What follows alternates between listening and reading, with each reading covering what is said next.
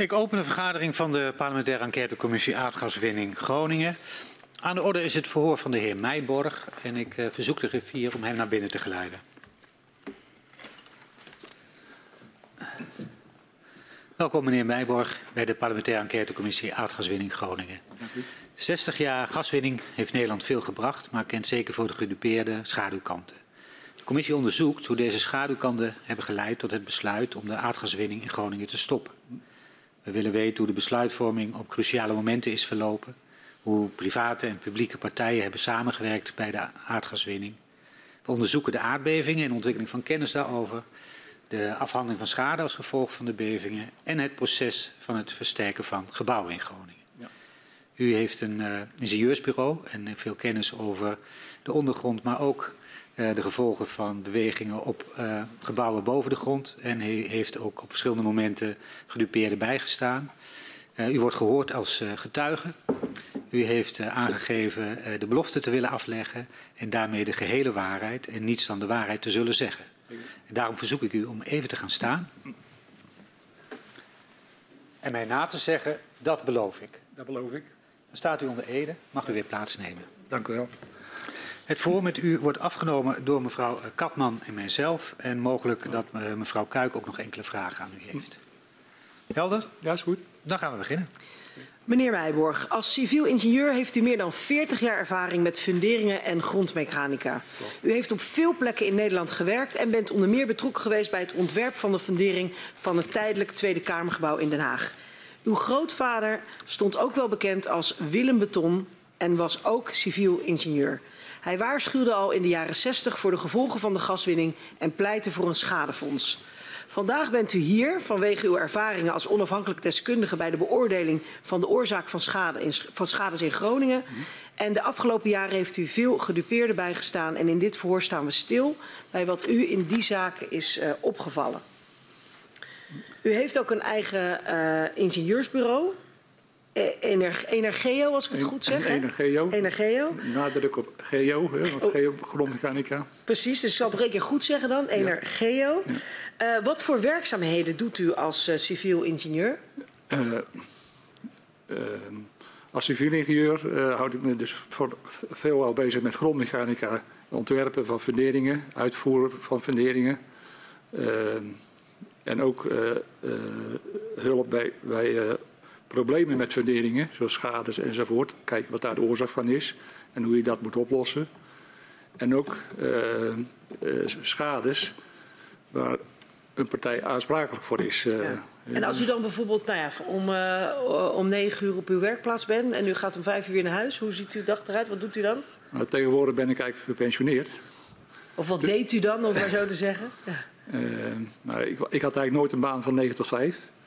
Uh, dat, dat, kon wel eens zijn van 7 tot uh, 4 of van 7 tot 8 uh, eh, s'avonds. Um, ja, wat deed ik dan? Ik heb verschillende banen gehad. Ik ben directeur van bedrijf geweest, van een aantal bedrijven. dus dan deed ik vooral het management en deskundigen, of ja, deskundigen die onder mij werkten begeleiden. En zelf dan ook nog engineering doen. Naar werken, naar klanten en dat soort dingen. Ja. En u had het al even over grondmechanica. Ja. Uh, is dat uw specialisatie? Ja, de, eh, de samenvatting daar, daarvan. En funderingstechnieken, grondmechanica en fundering, funderingstechnieken. En, en uh, wat zijn dan de, wat, zijn, aan wat voor projecten heeft u allemaal gewerkt? Oh, heel veel. Niet alleen in Nederland, ook in het buitenland, Irak, uh, de Verenigde, Verenigde, Arabische Emiraten, in Nigeria. Maar in Nederland bijvoorbeeld hier op het plein eh, de aanleg van de, van de eh, parkeerkelder hier.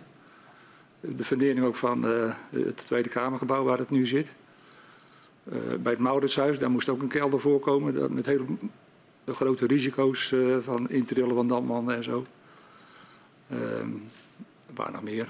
Ehm, in, in, in, de, in de laatste jaren dat ik eigenlijk al met mijn eigen bedrijf bezig was, werd ik benaderd door omwonenden in, in bijvoorbeeld, waar een nieuw stadshart uh, gebouwd moest worden met een ondergrondse parkeerkelder. Waar, die damwanden vlakbij gebouwen zouden gaan komen. Met echte risico's dat dat voor dat gebouw echt fout zou gaan.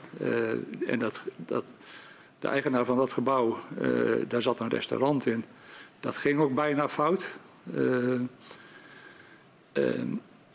En toen heb ik met de projectontwikkelaar en met de aannemer contact gezocht dat dat allemaal anders moest.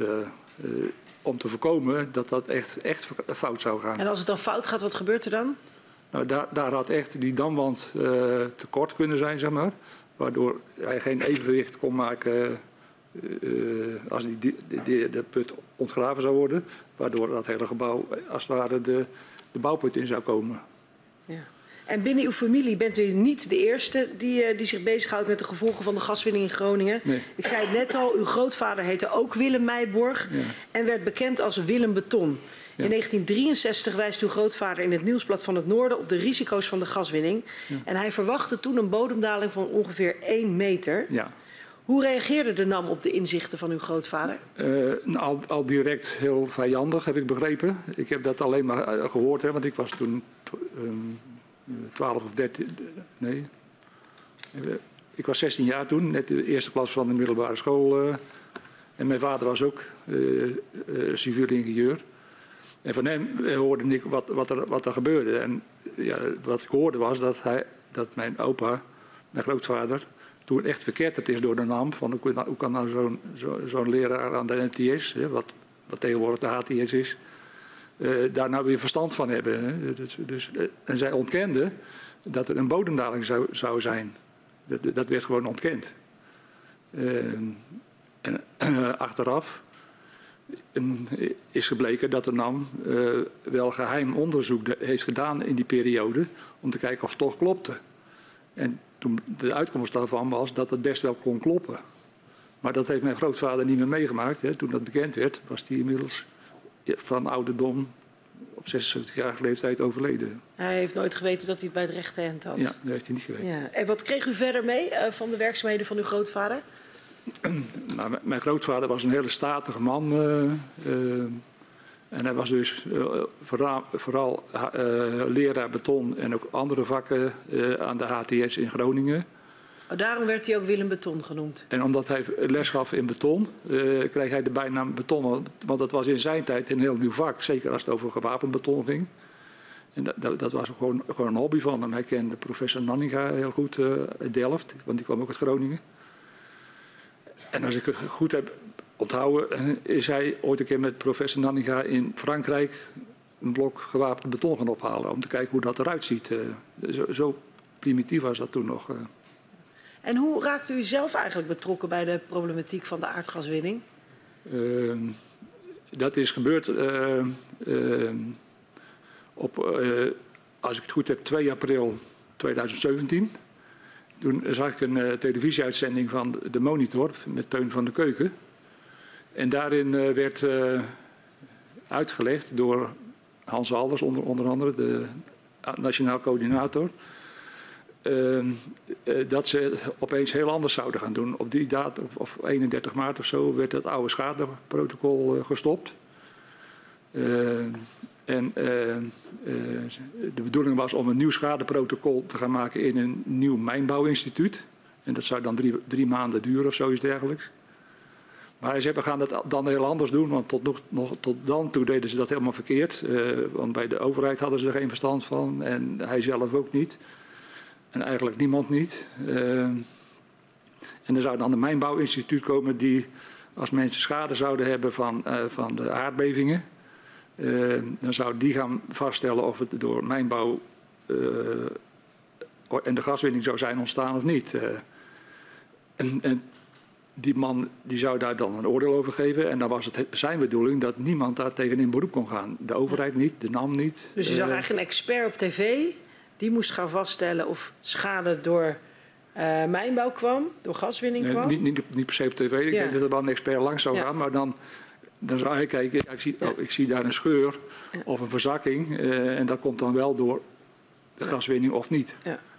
En, en dan, de bedoeling was dat dan niemand in, tegen dat oordeel in beroep kon gaan. Ook de gedupeerde niet. Nee.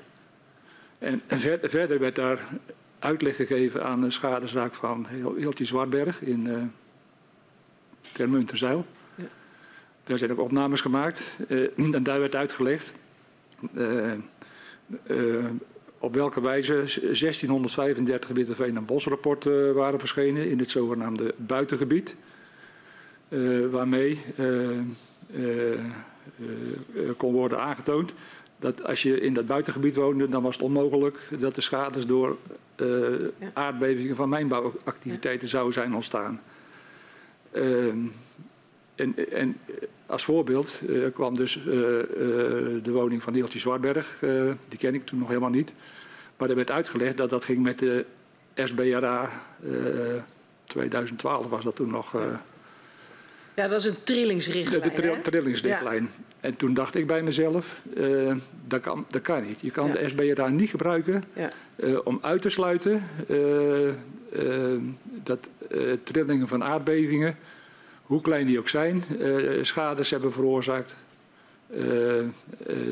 door die trilling. Je kan hooguit zeggen, de kans is kleiner dan 1%. En dat, dat stond er ook. De kans is kleiner dan 1% en dus te verwaarlozen. En u zag dat op tv, ja. dus dat ze dat van plan waren. En dat nee, dat stond in het rapport. Dat stond in het rapport, maar u keek, want u begon namelijk uw zin met... ik keek naar de monitor ja. en bij die tv-uitzending hoorde u dat. Toen ja. bent u erin gedoken ja. en zo dacht u... nou, ik ga me hier eens tegenaan bemoeien, want dit klopt niet. Dit klopt niet. Ah, ik, ik ben geen jurist, maar mijn gevoel zegt dat het niet mogelijk is... om iets te organiseren wat boven de wet gaat. Hè, dat de gedupeerd nooit naar de, naar de civiele rechtbank zou kunnen. Dat, volgens mij kan dat niet. Maar daar ben ik geen echte deskundige in. Maar waar, waar ik wel deskundig in ben, dat je de SBRA niet kan gebruiken om uit te sluiten uh, dat schades zijn veroorzaakt door trillingen, hoe klein die trillingen ook zijn. Je kan alleen zeggen de kans is kleiner dan 1%. Ja. En dat, dat is, als het gaat over aardbevingen, heel belangrijk om dat, je, dat te realiseren. Als het gaat over trillingen door heimachines, dan kan dat wel. Want heel in het kort, uh, de SBRA is ooit ontworpen bedacht om dat soort trillingen, uh, als, als dat soort trillingen gaat optreden als een heimachine ergens gaat heien, om dan te voorkomen dat uh, die activiteit schades aan bestaande woningen gaat uh, veroorzaken. en dan moet je bedenken dat de rijkwijde van, van, van zo'n van zo'n trilling is 50, misschien 100 meter. En dan uh, het aantal woningen wat dan belast wordt met die trillingen is misschien vijf woningen of zoiets dergelijks. Ja. En dan en vinden we dat een aannemelijk uh, risico. Dat een, die ene ja. procent of kleiner uh, op die vijf woningen, dat is 0,05 woningen zeg maar. Daarvan kan je zeggen,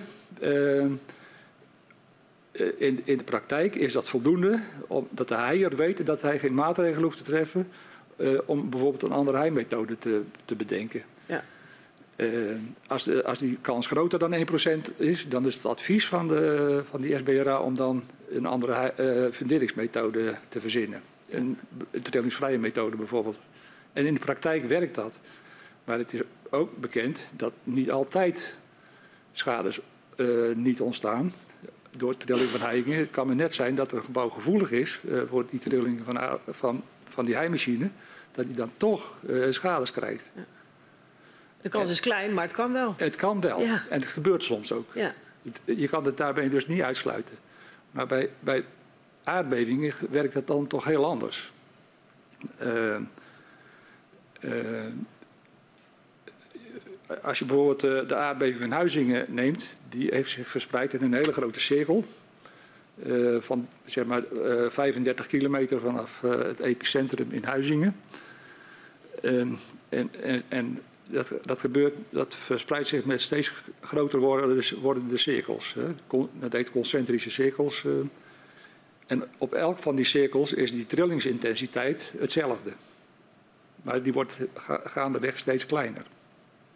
En er is ergens een, een cirkel waar dan volgens de SBRA de kans op schade 1% is, of als je daar nog verder gaat, kleiner dan 1%. En dan moet je die kans betrekken uh, op het op de aantal woningen wat langs die cirkel staat. En dat kunnen er bij zo'n grote cirkel 100.000 woningen zijn. En dan 1% van 100.000 woningen zijn 1000 woningen. Die schade hebben, niet zomaar, die, die, die echt schade hebben als gevolg van die aardbevingen. En dan een goede advocaat die ik ken, die heeft daar een, rapport over, een juridisch rapport over geschreven. Dan is het dus aan de NAM uh, te bewijzen dat als een woning de, uh, langs die cirkel schade heeft, om te bewijzen dat hij niet tot dat contingent met, uh, met, schade, met schades als gevolg van die aardbeving he hebben. Ja. Dat was het eerste begin van denken in omgekeerde bewijslast. Ja. Ja, precies. Want u zag, u, u zag dus, ze gaan die SBRA-trillingslijn gebruiken om eigenlijk het uit te sluiten. Ja. Terwijl u zegt, in die grote cirkel ja. kan het zomaar zijn dat duizend huizen toch uh, schade hebben. Maar, maar ik zit nu dingen te vertellen die ik pas later zelf bedacht heb. Op die avond van de monitor had ik dat nog, nog niet uitgewerkt. Hè. Ik wist zeker dat je de SBRA niet kan gebruiken om het echt uit te sluiten. Ja.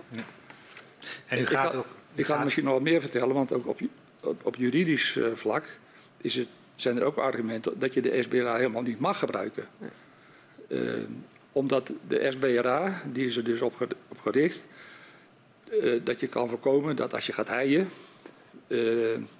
dat je gaat voorkomen dat er schade ontstaat. En dat je dan dus de maatregelen kan nemen als die kans groter dan 1% is. Ehm, maar dat is dus een beoordeling vooraf dat je die trilling aanbrengt bij de beoordeling of een woning schade heeft als gevolg van een aardbeving, dat is een beoordeling achteraf. En dat is juridisch gezien, dat, dat heb ik niet zelf bedacht, maar dat weet ik van Patrick van der Vorst. Juridisch uh, werkt dat anders. Ja, we gaan zo nog even naar het juridische stuk. Goed, ja, maar dat, is wel heel belangrijk om je dat te beseffen. Ja, zeker. Ja. Dan komen we straks ook op terug. Maar ja. ik wil nog even terug naar het moment. Ja, dat snap ik. Maar ik ja. zit dan in die flow. En dan... Ja, nee, daarom, hebben we ook, daarom hebben we ook, niet, uh, ook niet onderbroken. Um, de monitor heeft u gezien, maar u gaat ook al in uh, april op bezoek in Groningen. Ja. Gaat u ook al uh, met gedupeerden in gesprek? Ja. En in welke hoedanigheid uh, deed u dat? Nou, ik ben, ik ben, toen niet echt naar Groningen gegaan om met gedupeerden in gesprek te gaan. Dat was toen ik daar naartoe ging niet het doel. Ja. Uh, ik heb naar aanleiding van de uitzending van de monitor contact gezocht met Annemarie Heijten. Ja. Die kende ik ook niet, maar die kende ik van die film die van haar gemaakt is, De, de Stille Beving. Uh, En daar, daar, begreep ik ook dat zij uh, wel een boegbeeld in Groningen was. Ja. Dus ik denk, ik ga haar benaderen om te vertellen dat ik kennis heb om te helpen uh, bij het oplossen van die schades. ik wist toen nog niet precies hoe het zou moeten, maar ik wist zeker dat ik dat kon. En zij herkende toen ook mijn naam als Willem Meijborg en dus de kleinzoon van mijn opa Willem Beton Meijborg. Ja. En dat vond ze zo mooi dat ze me daarom gebeld heeft. En zij heeft mij gebeld. Want zij was bezig uh, een bijeenkomst te organiseren in Delfzijl op 9, 29 april 2017. Mm -hmm. De Molenberg. Ja. En zij belde mij van, god wat leuk dat, dat, dat, ze, dat ik die, uh, die brief of een e-mail had, had ik gestuurd. Ben jij, ben jij de kleinzoon van eh, Willem Beton Meijborg? Ja, ik ben de zoon van Willem Beton Meijborg. Oh, wat leuk. Nou, ze vertelde dat zij dus die uh, avond ging organiseren om met, met, ongeveer 500 gedupeerden samen te komen. Om, om eens met elkaar te praten hoe, we, hoe zij de toekomst zagen en naar oplossingen, in oplossingen te denken. En niet boos te blijven in, in je eigen ongelijk. Of... En daar bent u toen naartoe gegaan? Nou, zij vroeg, zou jij willen komen om uh, de zaal toe te spreken als slotspreker? Nou, dat was voor mij een hele bijzondere vraag, want ik ben helemaal niet zo'n spreker. En ze zei, ja, wij vinden het leuk dat je dan toch als kleinzoon van Willem Meijborg eh, de hoop brengt. Ja. Ik zei, nou, ik, dat wil ik wel doen. Maar ik wil dan ook aan de zaal vertellen hoe ik, dat ik denk dat, dat ik uh, uh, de gedupeerde kan helpen met mijn ideeën. Bijvoorbeeld dat je die SBRA niet kan gebruiken. Mm -hmm. En ik heb dat toen ook aan de zaal gezegd, zoiets van, ik weet hoe die hazen lopen in dit soort, uh, in dit, in dit soort uh, schadeafhandelingen. Want ik zie bijvoorbeeld aan, in, in schadezaken uh, waar de gedupeerde eiser is, en dus moet bewijzen dat de schade door iets is veroorzaakt en dat daarom iemand anders uh, aansprakelijk is, dat hij moet bewijzen dat, dat die schade is veroorzaakt door iets wat die andere gedaan heeft. Ja. En dat is toch een hele andere positie. En daar maak ik best regelmatig bij, mee, zeker als de aansprakelijke partij een overheidspartij is, een gemeente of een provincie. Die zijn verzekerd uh, met een rechtsbijstandsverzekering en een aansprakelijkheidsverzekering. En die gaat dan die zaak behandelen uh, en die neemt dus de rechten over van, uh, van, van, van die overheidsinstantie. En die maken dus dan ook gebruik van, van deskundigen om te kijken of de aansprakelijkheid juist is. Maar dan zie ik vaak, uh, nogal vaak deskundigen die niet gewend zijn dat zij iets hoeven te bewijzen. Eh, zij zijn eraan gewend dat ze niks hoeven te bewijzen. Mm -hmm. Als zij met een verklaring komen van, nou wij denken dat het door een hele andere oorzaak is. Ja. En dan komen ze met een beetje een hele logische verklaring. Uh, dan, dan, is de, dan is de eiser dus, die moet dan een echte deskundige inhuren om, om dat aan te vechten. Ja. En daar, daar, heb je echt een goede deskundige bij nodig. Ja, en daar zag u potentieel ook een rol voor, voor u weggelegd of voor mensen met uw deskundigheid? Nou, de, ik, heb, ik, heb, ik heb bewezen dat ik dat dus in, in dat soort zaken kan. Ik kan bewijzen dat, dat, dat, dat waar de, de eiser zegt van ik weet zeker dat die boom de, dat huis heeft beschadigd. Uh, ik heb dat bijvoorbeeld uh, kort voor die, voor die uitzending van die monitor bewe, bewezen. De meest idiote verklaringen van de deskundigen van de tegenpartij heb, heb, ik ontkracht. Ja. Echt ontkracht. Met, met de advocaat van de, van de tegenpartij erbij. heb ik uh, die man en ook die, uh, die, uh, die advocaat door de grond zien zakken. Mm -hmm. zo, zo. Ja. Maar u heeft dit uitgelegd? nee, ik heb, ik heb in kort gezegd, ik heb dat allemaal niet zo uitgebreid uitgelegd. Ik weet hoe ja. Uh, wat, wat, er, wat de fout is. Die SBA kan je niet gebruiken. Ja. En ik weet hoe de hazen lopen ja. als de deskundige aan het werk gaat voor een overheidspartij. En werd u dan na die bijeenkomst nog aangesproken door gedupeerden? Ik ben toen ook aange, aangesproken, maar dat, dat, dat, dat, ging met koffie en weet ik allemaal wat. Dus ik heb een heleboel mensen gesproken waarvan ik niet meer weet of ik ze gesproken heb. Maar ik weet wel van een aantal mensen dat die me naderhand uh, gebeld hebben. Zou je ons echt kunnen helpen? Ja. En, en, ja, zo ben ik aan de gang gegaan. weet u nog uh, welk uh, gebouw u toen voor het eerst hebt bekeken? En, en ik heb uh, op die 29 april ben ik door Heeltje Zwartberg, die mm -hmm. heb ik toen voor het eerst gezien, begeleid. Ja. En toen heb ik vier gebouwen gezien in het zogenaamde buitengebied. Ja. Waaronder onder andere een boerderij van meneer Tepper in Scheemda. Ja een woning in Woldendorp van mevrouw Mulder. En uh, zijn woning in Termunterzeil. En nog een andere woning in Scheemda. Ja. Nee, in Winschoten, sorry, in Winschoten. Ja. Uh, om een beeld te hebben, uh, want het ging over het buitengebied. Van hoe is het nou mogelijk dat als er schades worden geclaimd, dan moet er dus een andere oorzaak zijn. want, want als je iets uitsluit, uh, als je uitsluit dat de aardbevingen dat in het buitengebied hebben veroorzaakt, dan moet er dus een andere oorzaak zijn. Ja, ja. En dat vraag ik me dan steeds af. Wat is dan hier die andere ja, oorzaak? Ja, en was dat in die, in die vier gevallen, uh, uh, was dat al op een alternatieve manier verklaard door de NAM of advocaten die optraden namens de NAM? Of was dat nou, Hilti Zwartberg was toen heel ver bezig met een schade met, met de NAM in het gevecht. Uh, van die woning in Woldendorp wist ik toch nog niet veel. Die heb ik alleen gezien. Want mhm. de mensen wonen daar toen niet meer.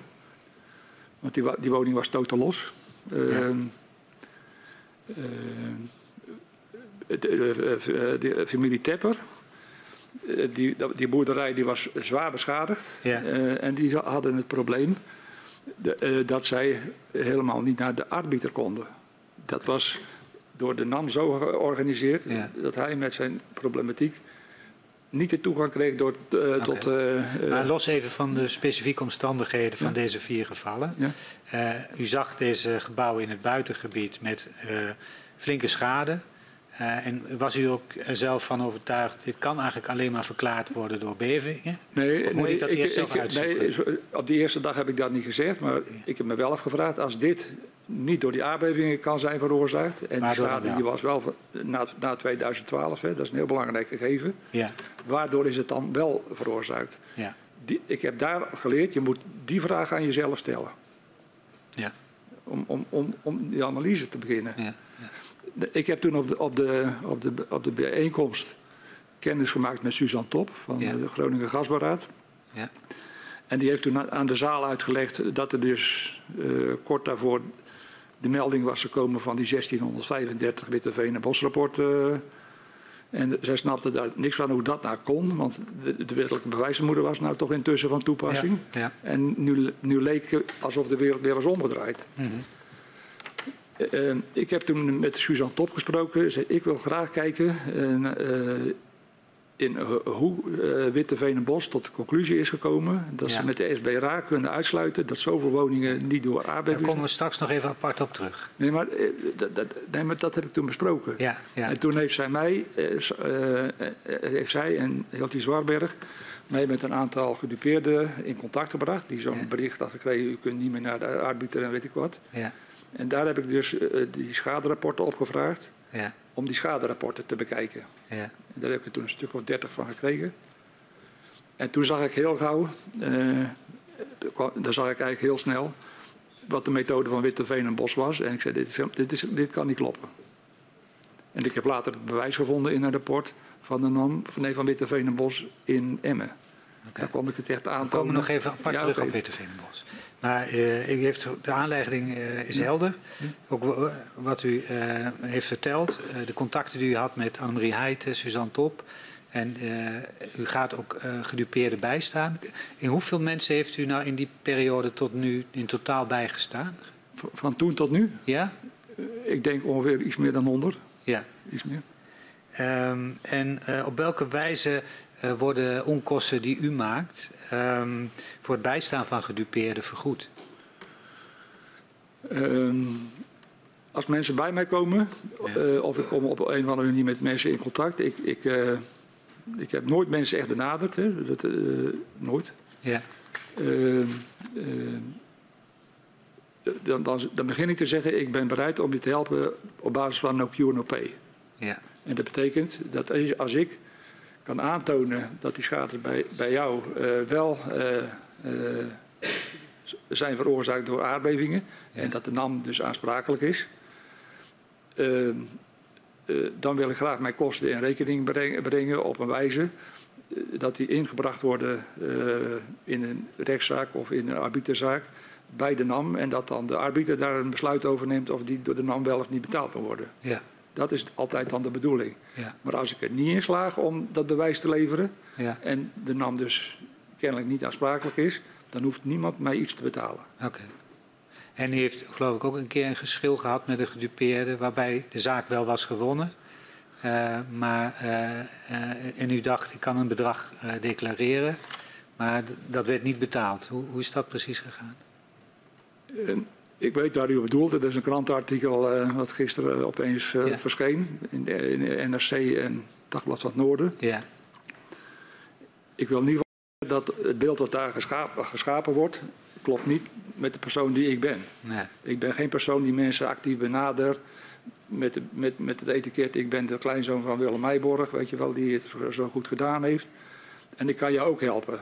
Eh, en dat ik dan achteraf zomaar met een eh, onverwachte factuur kom. ja, Dat heb ik bij niemand gedaan. Ook niet bij mevrouw Mulder. ja, En dat, dat, dat ik. eh, ja, dus dat, dat beeld wat daar geschetst is, dat vind ik in- insinuerend en is gewoon beschadigend voor mij. Ehm, heel in het kort, mevrouw Mulder, dat was die woning in Woldendorp, die ik op die eerste dag gezien heb. Die woning was totaal los. Daarmee ben ik in contact gekomen ehm, op advies van Suzanne Top. Want ik wa- ik was op zoek naar een eh, rapport van Witteveen en Bos in Emmen. 111 schademeldingen, dat rapport kon ik niet vinden. En ze- Suzanne Top zei, "Da- dan zou je misschien contact kunnen opnemen met mevrouw Mulder. Ehm, want die heeft waarschijnlijk dat rapport, want die woont in Emmen en die heeft ook schade aan haar woning. En, en zo bent u dus in, eh, in, eh, in contact eh, gekomen. Dan wil ik met u even naar andere gedupeerden. Want in 2018 bent u betrokken bij enkele zaken van gedupeerden bij de Arbiter Bodembeweging. Ja. Dat is een onafhankelijke partij die bij geschillen over de schadeafhandeling op een laagdrempelige manier advies uitbrengt. Ja. En bij de zaken waar u bij betrokken bent gaat het onder andere over de toepassing van het wettelijk bewijsvermoeden bij schades die ontstaan door bodembeweging. Hoe ging een procedure bij de arbiter bodembeweging in zijn werk? Eh, ook, ook- dat heb ik moeten leren. Eh, ehm, maar goed, eh, dat heb ik wel geleerd.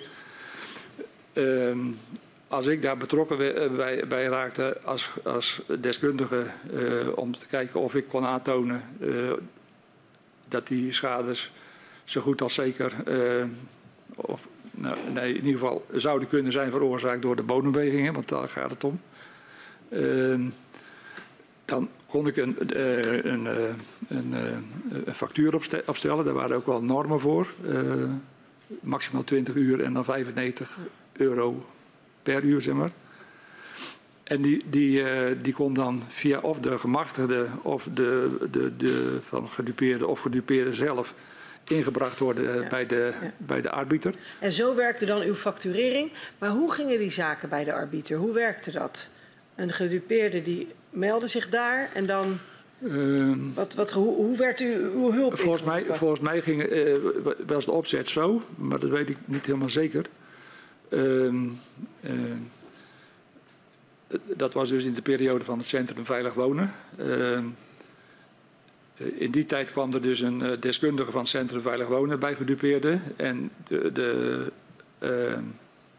eh, gedupeerde die kon een, eh, een contra-expert inhuren. Dat was dan Vergnes of een andere. De- daar ben ik nooit bij betrokken geweest. En die, eh, die kon dan een tegenrapport maken. En als er dan overeenkomst was, nou, dan werd de schade gewoon vergoed en heb ik klaar. Maar als er dus verschil van mening was, de, de enige gedupeerde zei nee, het komt door daardoor en de andere zei het komt daardoor, dan was er dus een geschil. En eh, als er een geschil was, dan moest de NAM ervoor zorgen dat de zaak naar, eh, eh, naar de arbiter kon. Ja. Dat kon de gedupeerde niet zelf doen. En wat was uw rol dan? Als zo'n zaak dan bij de arbiter was beland?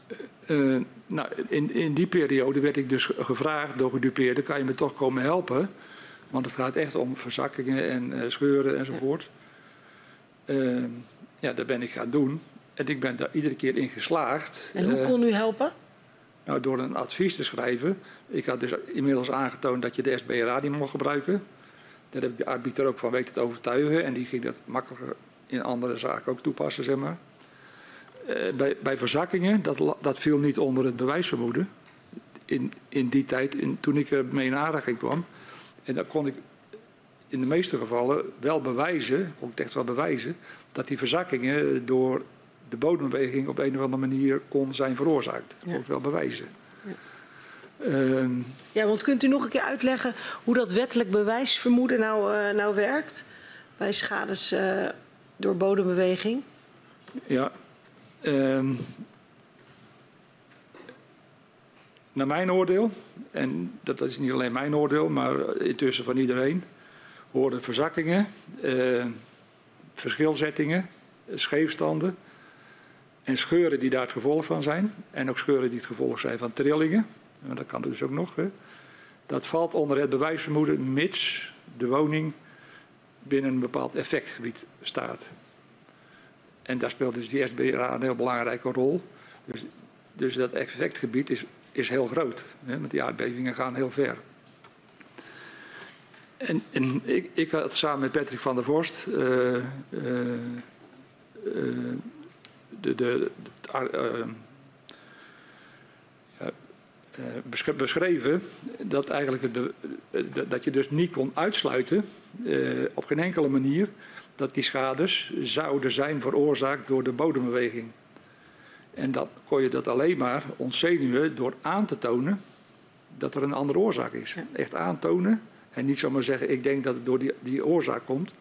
Nee, je moet ook echt aantonen dat die schade door een aardbeving is veroorzaakt of door een andere vorm van bodembeweging. En dan is het ook heel belangrijk om je te realiseren die andere oorzaak die moet echt overeenstemmen met de periode waarin de schade zich heeft gemanifesteerd. Ja. En dat is een heel belangrijke randvoorwaarde. En ik zie dat dat in het verleden bij de arbiter niet werd meegenomen, maar, maar bij IMG ook niet. Nee. En dat, leeft, dat, dat, dat is een van de oorzaken van alle ellende die je nou ziet. eh. Ja. Maar uiteindelijk is het wel zo dat die arbiter met u meegaat. Ja, die heb ik op een gegeven moment Ja. weten te overtuigen. Eh, en dat is gebeurd eh, eh, bij, bij een arbiterzaak in uh, Klazinaveen in Drenthe, waar het wettelijk bewijsvermoeden dus niet van toepassing is. Eh, Uh, die schade maakte onderdeel uit van die uh, 111 schadezaken in Emmen, waarvan de NAM had gezegd, nou die kunnen helemaal niet door, aardbevingen zijn veroorzaakt, want al die huizen hebben trillingen die te klein zijn, die zijn kleiner dan de grenswaarde volgens de SBRA. En uh, uh, hoe verder je dus van, van het epicentrum afkomt, er was maar één aardbeving, hoe kleiner die kans werd. Ja. Nou, ehm, op een gegeven moment is er een besluit genomen door de NAM en Wiebes, want ik ga nou een beetje in de tijd heen en weer. Ehm, dat alle oude schadezaken die moesten in één keer door de NAM worden opgelost. En daar hoorden ook 300 zoveel huizen in, in, de buurt van Tinalo bij. En die 111 uh, eh, schades ook in, uh, in uh, Emmen. En alle schades die zijn vergoed zonder problemen door de NAM. Want de afspraak was dat ook niet mijnbouwgerelateerde schades gewoon vergoed zouden worden. Vanwege de discussie was, was het nou wel mijnbouwschade of niet. Hè. Er moest schone lei in één keer klaar. Maar met schadezaken van boven de 25.000 euro was het nodig om daar in ieder geval samen naar de arbiter te gaan, de NAM en de gedupeerde. Nou, die die, uh, die uh, uh, zaak heb ik toen gedaan.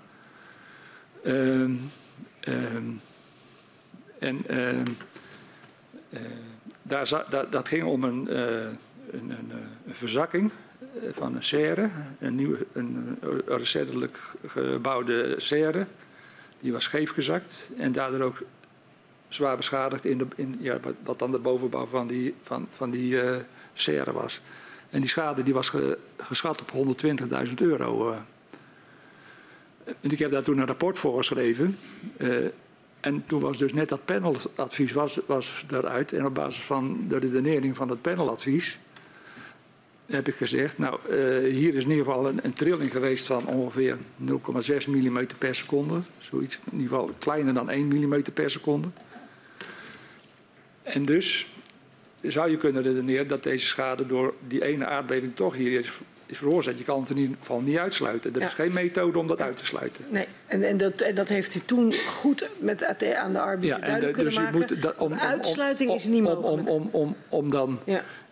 het eigenlijk uit te sluiten zou je kijken wat is dan de andere oorzaak. Maar het probleem was dat in, in, uh, in de rente de omgekeerde bewijslast er niet was. En toen heb ik dat heel goed uitgelegd aan de arbiter, dat was meneer Schulting. Uh, en uh, en de, de, tegenpartij die was zwaar vertegenwoordigd. Uh, ik, ik zat er, Pieter Jan Vrieling die zat er ook bij, eh, en ik. En de advocaat van mevrouw, die was plotseling naar het ziekenhuis. Of die zag het niet zitten, die, die, die kwam niet opdagen. De, de, de melding was dat hij opeens naar het ziekenhuis moest. Maar aan de overkant zat een, een persoon die noemde zich de arbiterbegeleider van de NAM. Uh, dat was meneer Kiestra. Er zaten in ieder geval allemaal een bataljon aan juristen ja, aan de en, overkant. En twee, twee juristen en drie mensen van Witteveen en Bos. Ja. En die zaak die moest dus gewonnen worden. Ja. En, uh, ja, uh, Want Witteveen en Bos had gezegd, het is wel uit te sluiten. Ja, want ja. de trillingen zijn zo klein en, uh, enzovoort. Ja. Dat, dat, stond in het rapport. Nou, ik heb aangetoond dat je zo niet kan redeneren. En ik heb toen ook een beroep gedaan op meneer Schulting, of tenminste aan meneer Schulting voorgesteld. Je zou hier eigenlijk toch een soort van wettelijk bewijsvermoeden moeten hebben, of iets wat daarop ja. lijkt. Dat zei u tegen de arbiter? Heb ik tegen de arbiter ja. gezegd. En die, en die kwam daar toen gelijk op terecht. Dus u vindt dat zoiets zou moeten. Ik zeg, ja, dat vind ik eigenlijk. Nou, de, uits, de, de uitspraak van, van die arbiter is geweldig.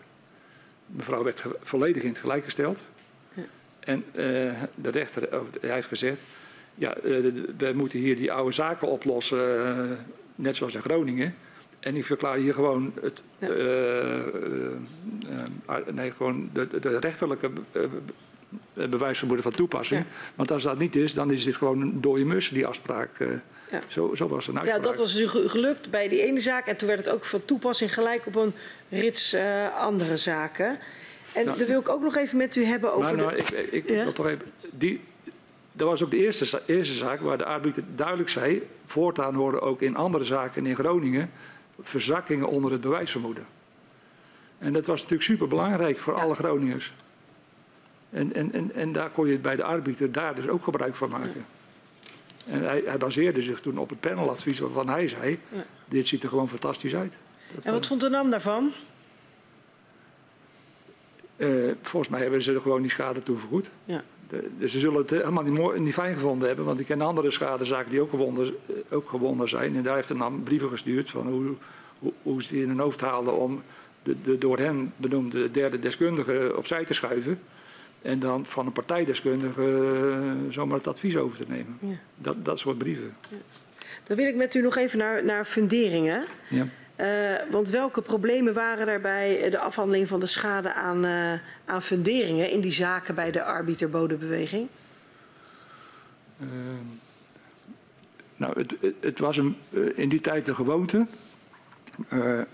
om niet naar scheuren onder het maaiveld te kijken en ook niet naar scheuren hoger dan twee meter. Want dat mocht volgens de arbowet niet of zo. eh, Zo'n soort argument. eh. Degene die de, de, die de inspectie moest doen, die mocht van de arbowet niet hoger dan twee meter en onder het maaiveld. En, ja, er was ook te veel arbeid. Zo, zoiets was het. En daardoor zijn dus een hoop schades die mogelijk in die fundering zijn, zijn niet gezien waarschijnlijk. Dat heb ik niet meegemaakt hoor.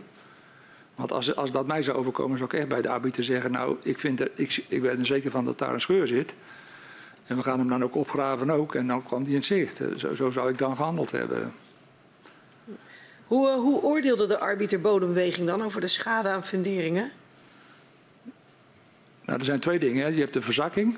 eh, en een verzakking zelf is, scha- is schade. Ja, dat Is net. scheefstand, ja, hè? ja.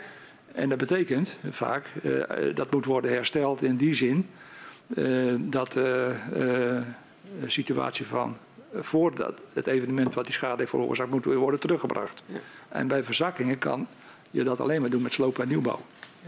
Een andere oplossing is er niet. Ja. En schade aan fundering in de zin van een scheur, ja, die zou je kunnen herstellen zonder, zonder zo'n rigoureuze. Ik ken, ik ken dus een aantal zaken waar ik echt heb bewezen toevallig ook in Woldendorp, vlakbij de woning van, van mevrouw Mulder. Ehm, eh, dat, dat, die- dat die woning helemaal scheef gezakt was. En dat gebeurde gel- gelukkig ook in de tijd dat de arbiter daar twee keer is geweest en dat zelf ook heeft waargenomen. En ik heb hem daaruit, daaruit gelegd dat, die, eh, ja, dat, dat, dat ook die, daar die verzakking echt, echt eh, alleen, kon zijn veroorzaakt door die trilling van aardbevingen. Omdat de Woldendorp op een wierde staat en die woning dus ook. Nou, dat, een legitiem verklaring waarom die bodem dan zo gevoelig is. Nou, die, die, eh, die, heeft ook gezegd, ja, deze woning die is, eh, die heeft veel scheuren, maar die, die scheefstand die moet ook worden hersteld. Eh, je kan de mensen niet met een scheef huis achterlaten. Dus hij heeft gezegd dat hij mijn advies volgde, slopen en nieuwbouw. En dat is een geweldige grote schadepost geweest voor de eh, van meer, meer dan een half miljoen. Bij hoeveel zaken bent u nou succesvol geweest bij die arbiterbodembeweging? Ik, ik schat meer dan, meer dan tien. Op een gegeven moment eh, kreeg ik ook wat vertrouwen van de arbiter. Eh, ja, als meneer Meijborg iets zegt, dan, eh, dan klinkt het toch wel erg deskundig en goed. En eh, ja, gaandeweg eh, ging dat wel makkelijker. eh. en ik wist ook zeker dat mijn analyses altijd goed waren. U noemde het net al even het, het panel. Ja, Eh, maar dat is eigenlijk het eh, resultaat van eh, een actie van de Tijdelijke Commissie Mijnbouwschade in 2019. Eh, die zoekt naar manieren om schade aan huizen sneller en op grotere schaal af te handelen. En om discussies over de oorzaak van schades te voorkomen, stelt de commissie een panel van deskundigen aan. ja. En zij krijgen de opdracht om het wettelijk bewijsbenoemde te vertalen naar de praktijk en te laten zien welke schades eh, door mijnbouw, mijnbouw veroorzaakt kunnen worden. Ja. En u bent een van de leden van eh, dat panel, Ja. samen met bijvoorbeeld een hoogleraar privaatrecht, een voormalig lid van de Raad van State en een oud-directeur van TNO Bouw. Hoe kwam u nou in dat panel terecht? Eh, ja, dat is eigenlijk opeens gegaan. eh, ehm, ehm, ik had dus een, een, een, rapport geschreven eh, eh, dat met de titel de, de centrale en cruciale denkfout van Witteveen en Bos in, in, in het buitengebied. Ja. En, en Patrick van der Vorst heeft eh, op advies van mij voor het gasberaad daar een juridisch advies bij geschreven. Ja. Nou, die beide rapporten die zijn onder de ogen gekomen van TCMG. En met name van Bruno van Ravels, die toen de tijdelijke voorzitter was. Mhm. En hij, probeerde, eh, hij heeft mij gezocht om, om mij uit te nodigen. En dat is via Twitter gelukt. Opeens hadden we contact. Ja. En toen eh, wist hij mijn e-mailadres en mijn telefoonnummer. En hij heeft me toen in oktober 2018 uitgenodigd om naar Groningen te komen voor een gesprek. Ja.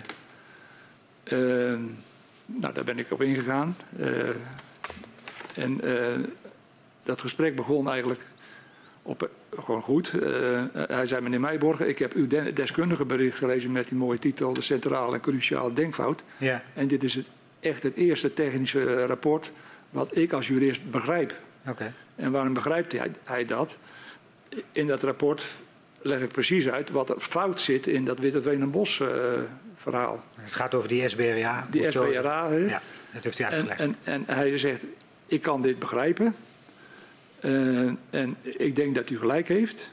Eh, hij had dus ook het juridisch advies van Patrick gelezen. Hij, hij zag dat er een goede wisselwerking was tussen een advocaat die verstand heeft van eh, civielrechtelijke aansprakelijkheidszaken in, mijn, in woning, woningbouw, in bouwconstructies. Ja. Hij zegt, eh, dus de SBRA kunnen we niet gebruiken om het uit te sluiten. Nee, dat is echt onmogelijk. Hij zei, dat staat. Hij zei toen, het enige wat nu, nu dan nog moet worden uitgezocht, tot hoever gaat die grens dan? Ja. We moeten dus iets zien te bedenken dat niet iemand in Breda, hij woonde volgens mij toevallig in Breda, Mhm.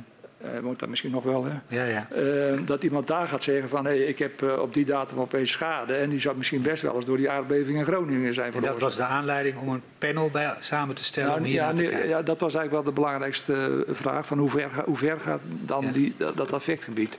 Ja. Nou, toen, toen heeft hij mij gevraagd of ik lid wilde worden van een panel van deskundigen. Ja. Nou, dat vond ik eigenlijk een hele, best een hele eer om daarin te mogen zitten. En wat was de belangrijkste uitkomst van het panel? De belangrijkste boodschap? Con- conclusie? Eh, een, aantal, aantal eh, eh, conclusies, die, en die zijn echt wel belangrijk. Er is een definitie gemaakt wat zijn de fysieke schades die onder het bewijs moeten vallen. Dat zijn dan met name verzakkingen, verschilzettingen, scheefstanden en scheuren. Mhm. Ja. An- andere schades aan woningen zoals afbladderen van verf, dat soort dingen niet. Ja. En dat staat ook in het paneladvies. Ehm, maar de, de, de, de vier of vijf eh, fysieke schades wel. Ehm, er is ook de definitie van het wettelijke bewijsvermoeden. De wetstekst is er opgeschreven. Hè, als eh, naar zijn aard eh, deze schades zouden kunnen zijn veroorzaakt door. zouden kunnen zijn veroorzaakt door de bodembeweging als gevolg van de gaswinning, dan wordt vermoed dat dit ook de oorzaak is. Ja. Tenzij eh, er kan worden aangetoond dat er een evidente en aantoonbaar andere uitsluitende oorzaak is. Met als belangrijke randvoorwaarde, daar staat ook in het paneladvies, dat het vanzelfsprekend is dat die andere uitsluitende oorzaak moet overeenstemmen met de eh, datum waarin de schade zich heeft veroorzaakt. Ja. En dat is een hele belangrijke, maar die wordt door iedereen vergeten. Ja, want dat, eh, met dat paneladvies, eh, wat is daar precies eh, in de praktijk van terechtgekomen? Is dit het In het begin, element in het wat begin, niet in het begin ging het goed, maar toen ging het alleen maar over scheuren. Ja, En het viel mij op dat de, de, scha de schades met verzakkingen, die, die kwamen niet door. nee. Die, die werden op een stapel gelegd. Ehm, en op zeker moment ehm, leek het erop alsof verzakkingen niet in de schaderapporten werden opgenomen. Ik heb bij een eh, schadeopname ben ik aanwezig geweest in, in Schildwolde. En ik heb aan die twee eh schadeopnemers die er toe waren gezegd... er is al een Fugro-rapport waarin de schades zijn beschreven... Ja, Eh, waaronder ook verzakkingen. Nee, die, die verzakkingen die waren, die waren dus al aangetoond. Die moet je dus ook eh, in, dat schaderapport opnemen. En hij zei, meneer Meijborg, wij hebben de opdracht om alleen naar de schades te kijken die je kan zien. En verzakkingen horen daar niet bij. Ja. En eh, Dus u had het idee dat zeg maar, het paneladvies of de conclusies eh, in de niet echt in de praktijk werden opgevolgd? Nou, er is, er is, er is een, een, een, ja, een beweging ontstaan dat IMG, eh, of TCMG al, maar in ieder geval IMG, is gaan, on- gaan ontkennen dat verzakkingen eh, door bodembeweging, bodembeweging zou kunnen zijn ontstaan. Ja. Oké. En nog één vraag over het panel zelf. Eh, u was het me- helemaal met elkaar eens over Ja. deze bevindingen. Dat Ja. was niet omstreden binnen het We panel. waren het allemaal unaniem met elkaar eens. Ja. Dat is ook zelfs be- bevestigd naar alle leden. Eh, het is ook zelfs min of meer bevestigd in een overdracht van het, wettelijk, van, Ja. het, van het paneladvies op een avond in februari in Hoge Zand. Ja. In het kantoor van IMG. Ja. En daar kregen we zelfs de complimenten van minister Wiebes Ja. eh, over de kwaliteit van dat rapport. En dat heeft hij ook in de, in de Kamer laten weten. Ja. Dat het op grond van, de, van het paneladvies Mhm. zou eigenlijk moeten vaststaan dat de causaliteit niet meer ter discussie kan staan. Als het gaat om die vier, vijf typen schade. Uh, fysieke schades enzovoort. eh, Ja. Ook, Ja. ook, ook, ook verzakkingen. Dat, eh, die uitzondering heeft hij niet gemaakt. eh, Ja. En terecht. Oké.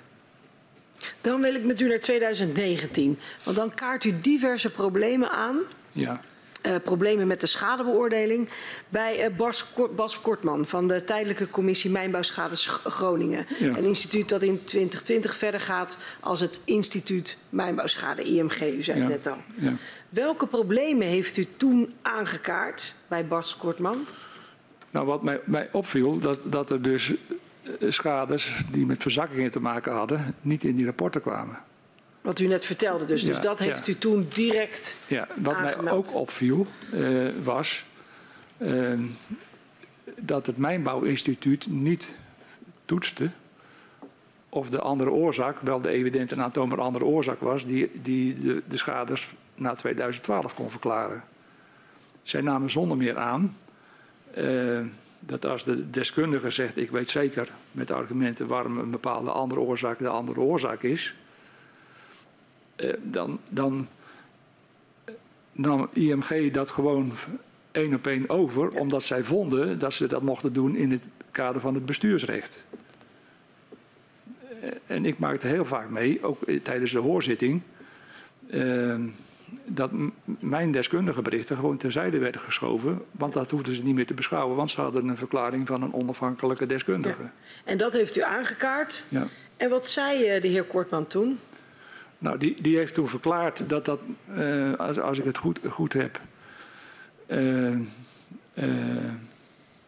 nou in ieder geval dat verzakkingsschades wel onder het bewijsvermoeden vielen. Dat staat in dat antwoord. En, en er zou ook echt wel op worden op toegezien door IMG dat die ook in de rapporten kwamen.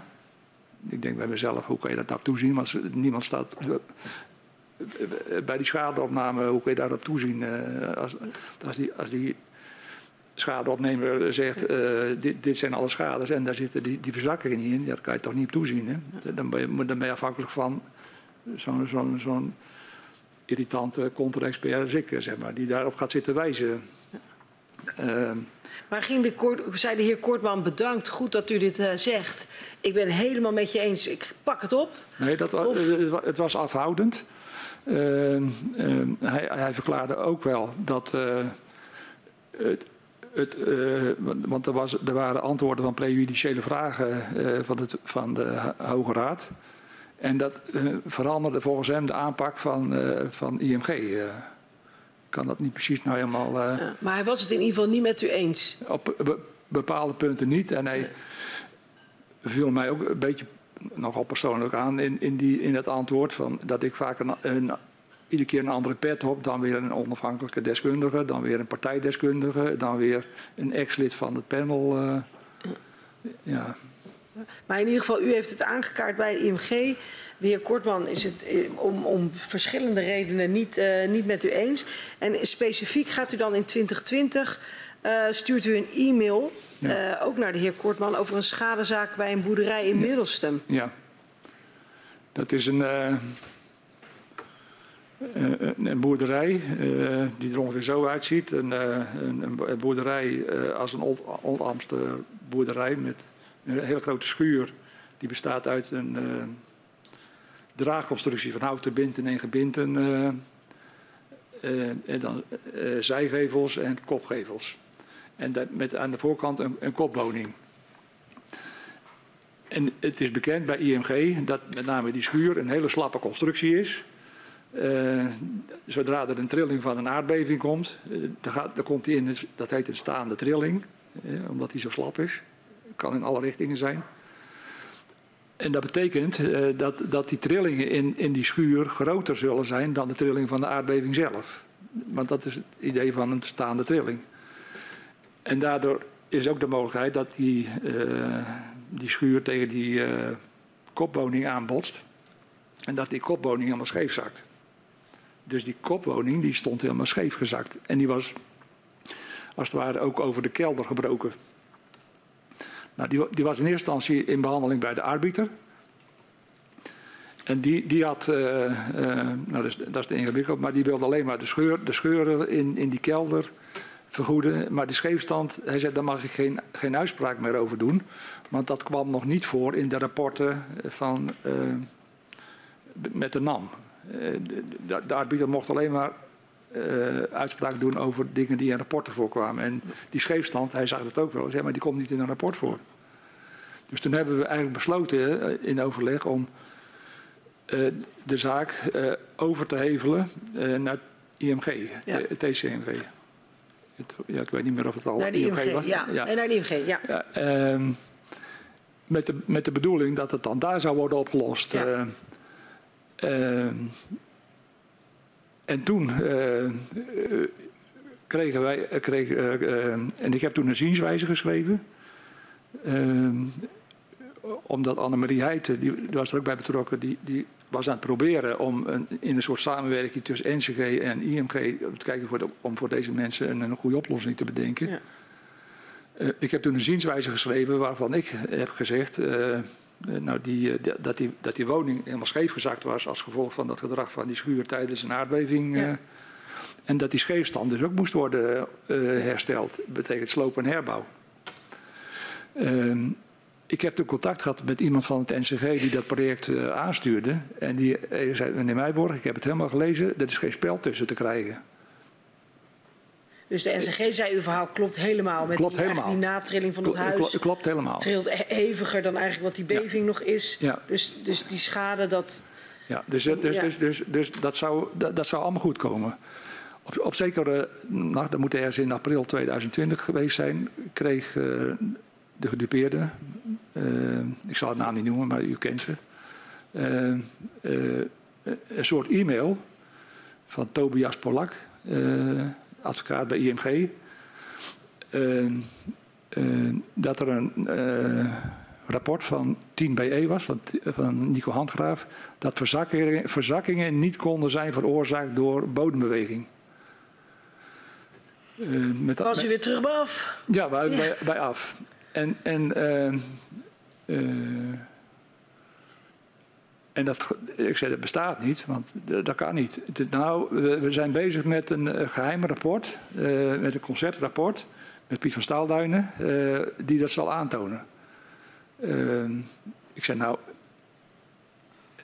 En tegelijkertijd heeft Tobias Polak tegen de gedupeerde gezegd... ik zou nu maar het aanbod doen wat NCG en, en IMG samen hadden bedacht. Hè. Dat was een oplossing waarvan ik zeg, nou, dat wil niemand. Maar goed, dus u had eigenlijk aangetoond, um, hier is sprake van bevingsschade. Ja. De NCG had ook al tegen u gezegd, nou, er is geen spel tussen te krijgen.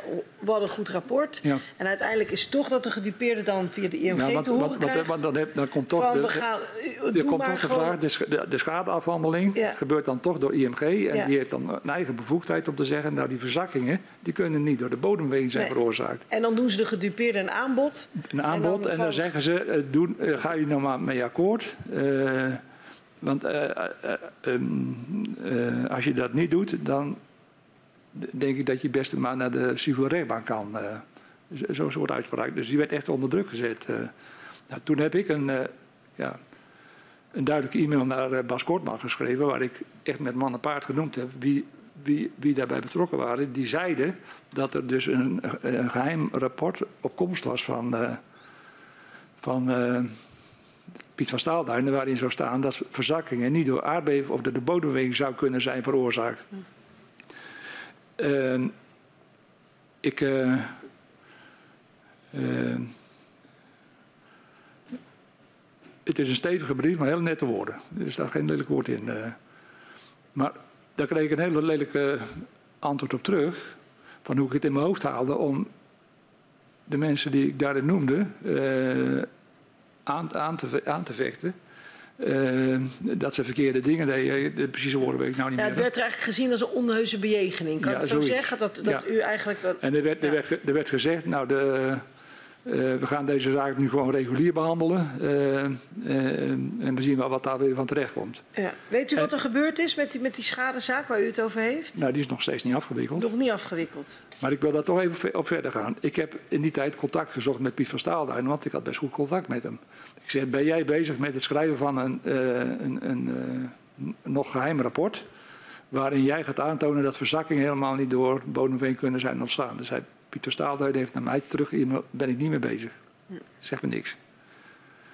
Uh, ik weet dat op 27 oktober komt er opeens een rapport van Piet van Staalduinen, die hij samen heeft geschreven met. Uh, uh, ik kan zijn naam zo maar noemen, hij is helaas overleden, dus ik moet heel voorzichtig zijn. Uh, kom nou niet op zijn naam. Maar de, Geen probleem hoor, maar er kwam een rapport. Ja. Een rapport waarin stond het verband tussen trillingen van aardbevingen en verzakkingen. Daar, daar een soort verhaal over. En dat ging dan over verweking en verdichting van, van zandlagen en, en kleilagen. En dat kon alleen maar met hele hoge trillingsintensiteiten. En dat, de conclusie was eigenlijk, ja, de verweking en, ver, en verzakking uh, kan eigenlijk niet optreden. Daar zijn de trillingen te klein voor. Ja, dat rapport hadden ze niet hoeven te schrijven, want daar ben ik het gewoon mee eens. Want verweking en verzakking van grond, diepere grondlagen, dat treedt nauwelijks op. En dat kan ook bijna nooit oorzaak zijn van verzakkingen in de woningen die op maaiveld staan. Uh. Dus ik heb met Piet. Uh, maar in het hele rapport staat dus niet dat het uitgesloten is dat verzakkingen kunnen ontstaan door bodembewegingen. Dat staat daar niet in. Nee. Piet, ik heb met Piet daarover gesproken, die is bij me gekomen. Nee, ik heb hem eerst een e-mail gestuurd dat ik, ik met, met commentaar. En dat heeft hij zich voor, voor een groot deel wel ter harte genomen. En toen heeft hij in, dat, in een nieuwe notitie geschreven. waarin hij duidelijk heeft gemaakt dat zijn rapport alleen maar gaat over het uh, schademechanisme. verweking en verdichting van grondlagen. als gevolg van trillingen van aardbevingen. Maar er zijn nog andere mechanismen die ook verzakkingen kunnen veroorzaken. En daarom is het in ieder geval nodig uh, uh, om het bewijsvermoeden te ontzenuwen dat er een andere uitsluitende oorzaak wordt aangetoond. Dus u had eigenlijk de hele tijd het idee dat, dat steeds dat bewijsvermoeden ontzenuwd moet worden en dat daar steeds allemaal experts voor werden ingehuurd? Nou, het bewijsvermoeden ontzenuwen lijkt net uh, dat zou moeten ja. om, om, om uh, de schade niet te erkennen. Maar ze zijn op zoek gegaan naar deskundigen met een hele gerichte vraag.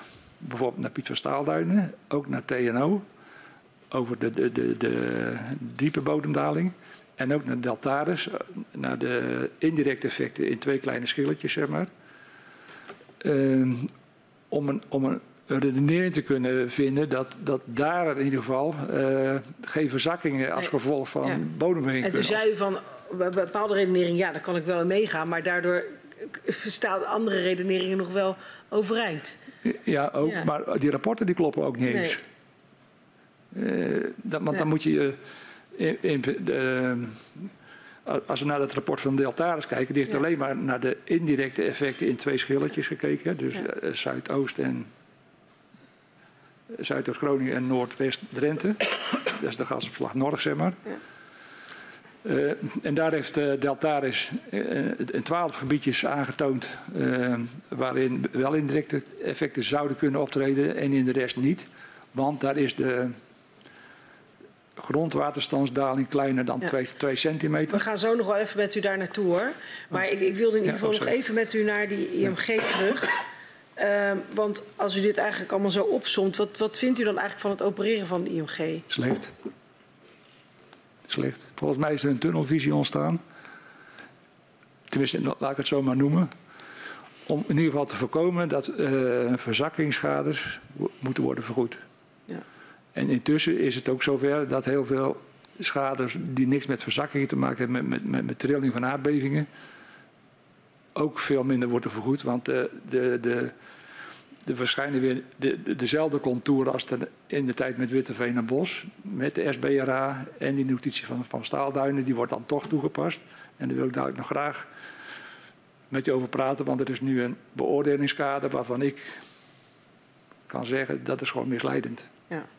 En dan ook over diezelfde IMG. Uh, Annemarie Heijten die was hier en tijdens haar verhoor uh, uh, zei ze ook, want u had het over die mail, hè, die werd gezien als een, eh, als een onjeuge, onheuse bejegening.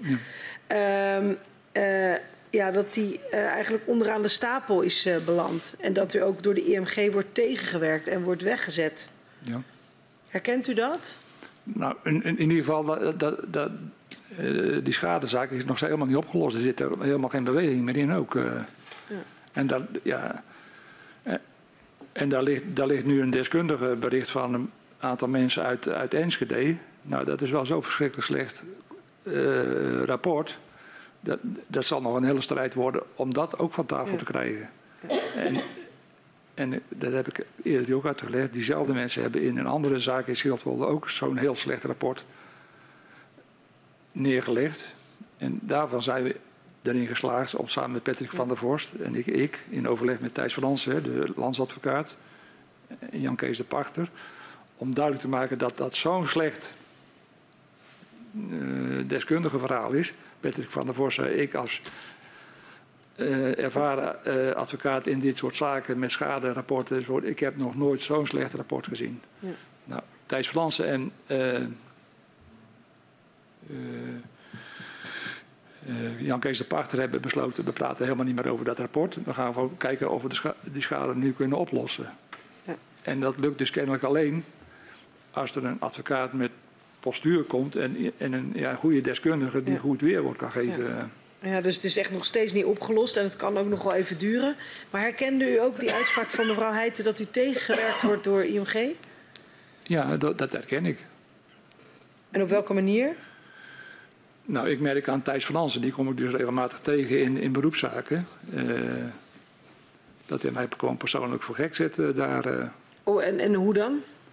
Nou, bijvoorbeeld door te zeggen, ja, meneer Meijborg, daar weten we allemaal van dat hij gewoon een dwarsligger is. Dat was ook al toen, toen ze met dat paneladvies be bezig waren. En wat er op tafel is gekomen, dat is, ja, dat is het beste wat ze toen nog konden bereiken. Maar intussen weten we wel beter hoe het echt moet. Uh, zo, zo, zoiets. Dat zegt hij tegen de rechter. Kunt u, u noemde het al even, hè, eh, dat er ook uh, onderzoeken uh, verschenen, ook op verzoek van het IMG, van TNO en Deltaris, mm -hmm. over bodemdaling en effecten ja. al dan niet op huizen.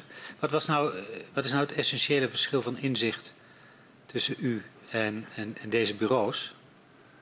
Nou, wat, wat, wat daar dus gebeurt, is dat IMG intussen van die contour van uh, de aardbeving van Huizingen een vaste contour heeft gemaakt. Mm -hmm.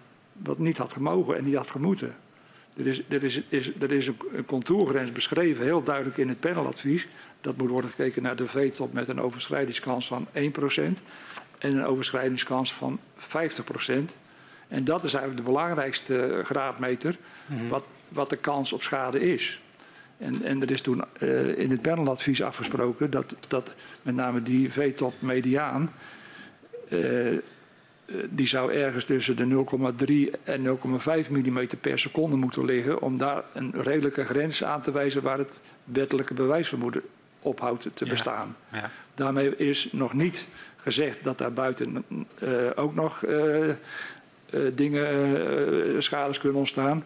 Maar daarvan heeft het paneladvies geadviseerd dat de, de gedupeerde in, het, in de gelegenheid moet worden gesteld met, met eigen extra uh, bewijsinspanning, geloof, heet geloof ik zo, mm -hmm. toch nog aanvullend bewijs te leveren dat alsnog het wettelijk bewijsverboden daar gewoon van toepassing is. Dus er is echt ge gekozen naar een methode om een handvat te bieden voor, voor de deskundigen van IMG, dat ze heel snel konden zien, nou hier is het bewijsvermoeden gewoon van toepassing, daar moet je verder niet over zeuren. En die kan je alleen maar uitsluiten door die aan te tonen dat er een andere oorzaak is. Hè? Ja. Um, uh, Maar ze hebben daar dus een, een, een, een- harde grens van gemaakt door alleen maar te kijken naar de V-top van 2 mm per seconde. En dat is dus een harde grens. En als je de, dat staat ook in dat rapport van Deltaris. Wij hoeven dus geen rekening te houden in, in die, in die buiten, buitengebiedjes buiten die blauwe cirkel. Dat daar ook nog kleine trillingen zijn. Daar hoeven we geen rekening mee te houden. Ja. En heeft u nou nog contact gehad met andere leden van het panel? En hoe weet u of zij het met u eens zijn over dat de harde contour die nu getrokken is, Nou, ik, eh, in strijd ik, ik, heb, wat het panel adviseerde? Ik heb toen, eh, ja, er is heel moeilijk contact te krijgen, want Toon van Mierlo, helaas, die wilde zich helemaal niet mee bemoeien. Die is met andere eh, Mhm. bezigheden in zijn pensioen bezig. Die heb ik wel geprobeerd te benaderen, maar dat was zijn antwoord. eh. Ja. Peter van Buren, eh, die als bestuurslid van IMG vond dat het allemaal wel goed ging. eh. Ja. Eh, eh, en Piet van Staalduinen, die, die heb ik ontmoet tijdens een eh, rechtszaak in beroep bij de rechtbank Mhm. als deskundige met Thijs Fransen. Oké. En eh, ik, ik schat Pieter als deskundige hoog in, maar hij zegt altijd: Ik heb geen verstand van eh, juridische zaken. Mhm. Dat zeg ik ook, maar ik weet intussen wel om te beoordelen of het belangrijk is, of er nog een kleine kans is. eh, dat de bodemweging schade kan ontstaan. Dat kan een hele kleine kans zijn, maar een hele kleine kans is nog steeds En een kans. hoofdpunt is eigenlijk omdat die hele kleine kans er is. Maar eh, het kan nog om relatief veel woningen gaan, omdat Ja. de werking van een aardbeving groot is. Ja, maar- Wat u vindt. Nee, maar dat- Thijs Fransen me heeft daar een hele, hele, hele, heel lang betoog gehouden. Ja, maar dat moet- voortaan die, die harde grens moest worden aangehouden. Ja, ja, Van die harde contour. ja. En dat zie je dus nu ook overal gebeuren. ja, maar uw punt is van die harde grens. Ja, maar dat is, dat is één. Ja, nee, maar laat me even uitpraten. Oh, sorry, sorry. Ja. Uw punt van de harde grens is dat als je een harde grens trekt, betekent dat dat mensen buiten die grens, waar misschien ook schade is ontstaan, eh, de mogelijkheid wordt ontnomen Ja. om eh, aan te kunnen tonen met hulp van extra Ja. bewijslast dat er wel degelijk schade is door Ze is uw komen, ze komen niet eens kijken. Ja, precies. Dat is En dan, dan neemt IMG besluit, Ja. u, bij u kan de schade niet zijn ontstaan door. ja, En die mensen wordt dat echt ontnomen. dat is uw eerste punt. Nu het andere punt. Het andere punt is, Deltaris heeft dus eh, in een aantal gebieden aangeto- eh, eh, aangetoond dat die indirecte effecten, en dan praat je dus over wijzigingen van de grondwaterstand ten opzichte van maaiveld, Ja. daar niet optreden. Want Ja. eh, die treden wel op, maar die zijn kleiner dan 2 centimeter. Ja. En dan zeg je dus dan, dan- mogen zij afgaan op een rapport van TU Delft uit 2018 waar dat in staat. Mhm. Dat is dus niet een eigen, eigen oordeel, maar dan baseren ze op het rapport van de TU. En als je heel goed naar dat artikel kijkt, dan staat daar eh, in het hele gebied waar eh, bo- eh, bodemdaling of bodemstijging is, dan praat je dus over het geografische eh, gasveld, zeg maar, het Ja. geografische gasveld, plus die rand van 6 kilometer daaromheen. Daar kunnen indirecte effecten optreden in verband met het feit dat de bodem daalt en de grondwaterstand, als, die gelijk, als ze daar niks aan doen, dan stijgt de grondwaterstand relatief ten opzichte van maaiveld. En als ze hem gaan verlagen op het diepste punt, dan gaat hij hier ook verlagen. En Ja. dan kan er dus een verlaging optreden. Ja. En beide effecten, die kunnen eh, verzakking in woningen veroorzaken. Hm. En in, in dat artikel staat, theoretisch kun je daar geen ondergrens voor aanwijzen. Zelfs als het 0,001 is, zo wordt het niet genoemd, maar je kan dat, theoretisch Mhm.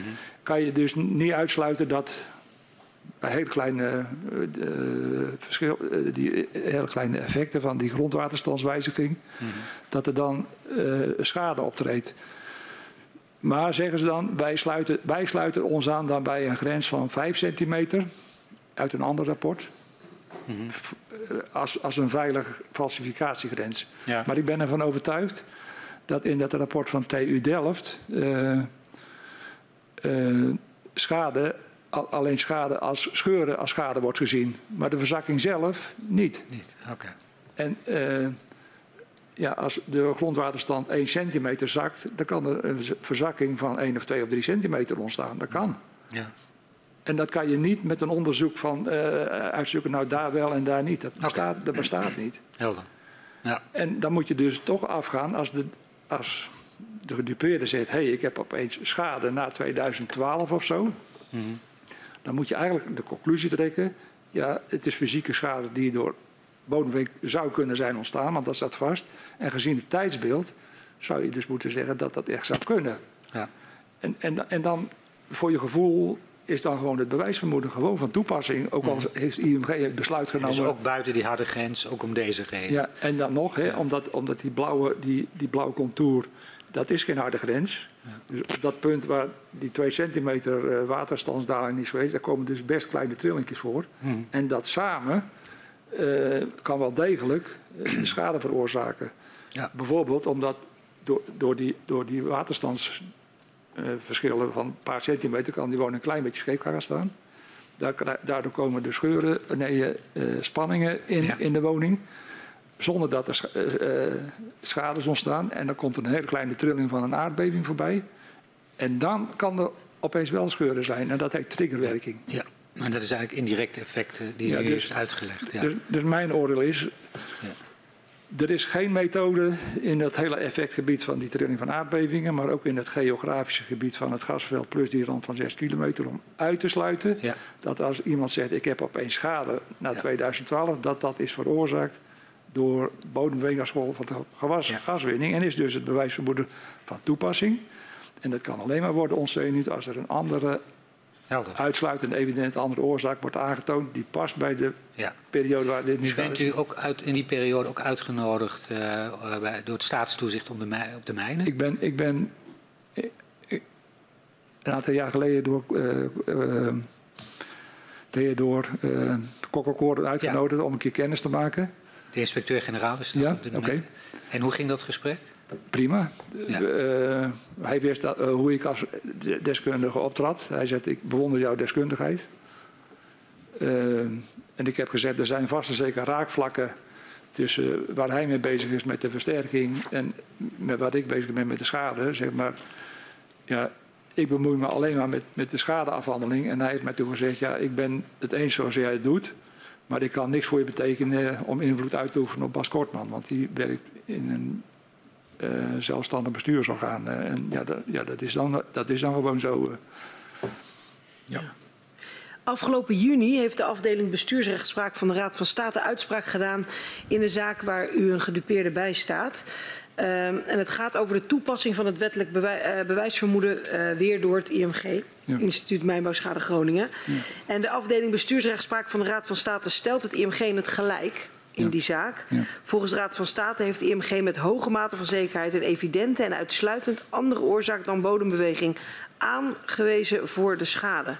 Ja, Wat is hier dan weer het verschil van inzicht? nou, in, in die zaak heeft vooral de discussie gevoerd of het nu eh, een beoordelingskader mocht worden toegepast met, uit, met de toepassing van de SBRA en de, de notitie van meneer Van Staalduinen.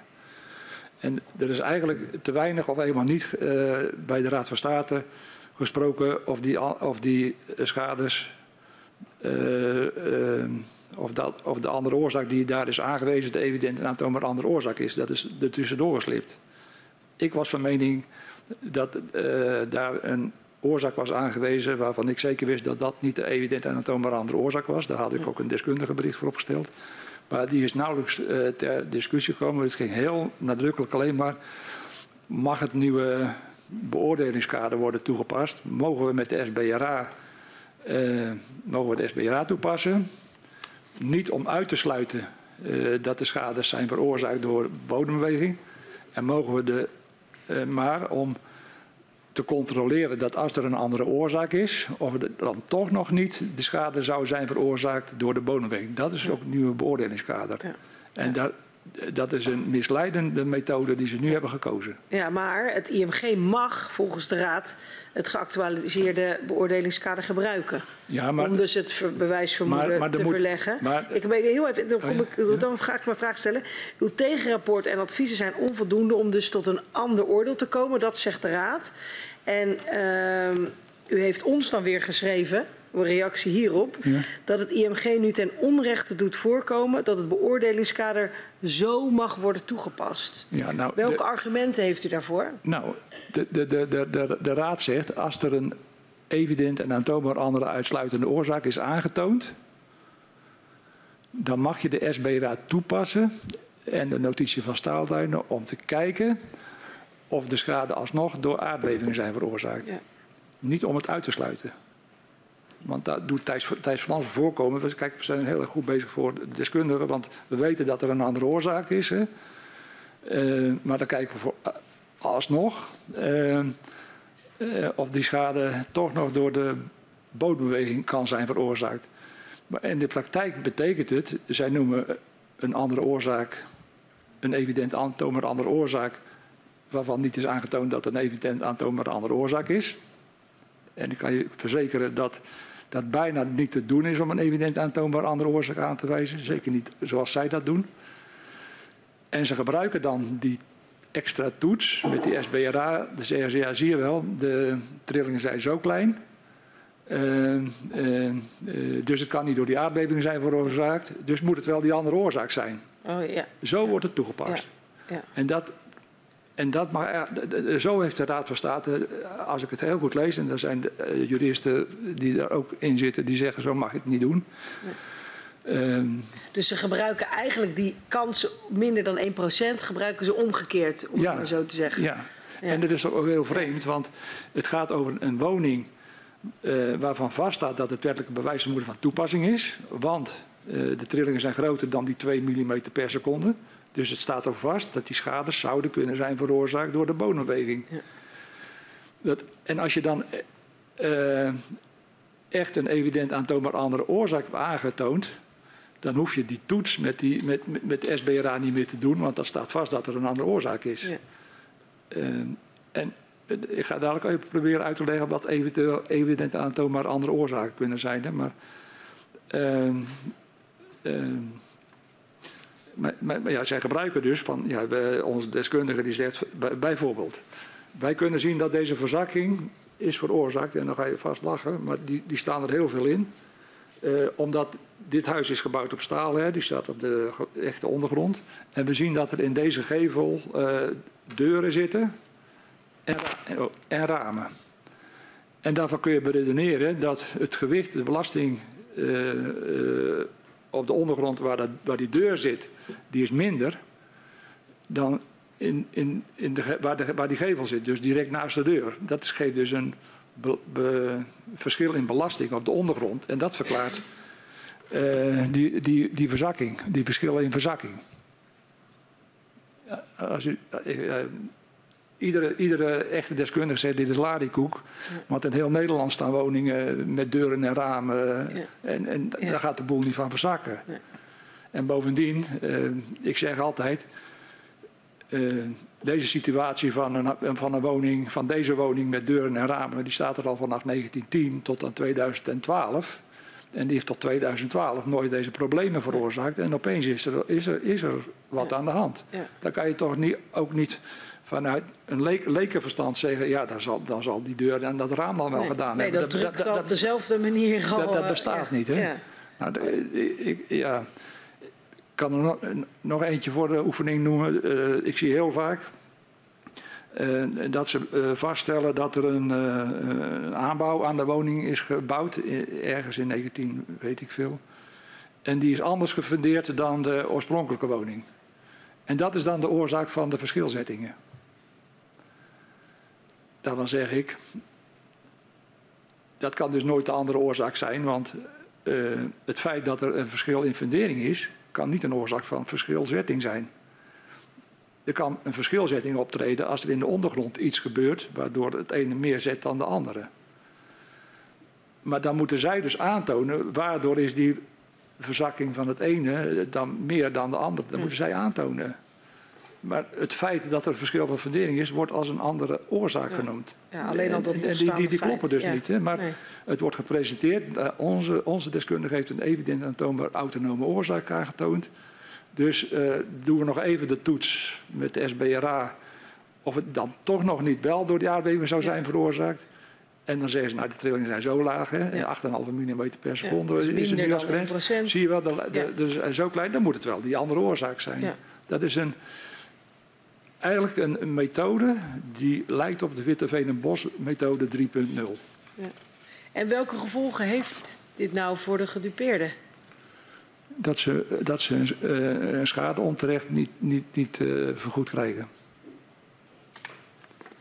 En daarbij komt dus ook iedere keer weer dat IMG denkt, eh, bijvoorbeeld mijn deskundige rapporten zomaar opzij te kunnen schuiven. En dat zijn best goede deskundige rapporten. Omdat zij zeggen, ja, eh, onze deskundige die zegt dat, eh, dat die schade door die deuren en die ramen kom- komt.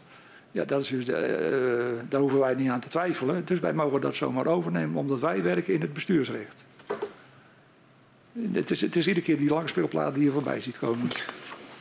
Ik wil nog even met u terugkijken op, op zaken die u eh, heeft eh, gevoerd of waar, waar u als deskundige een rol bij speelde.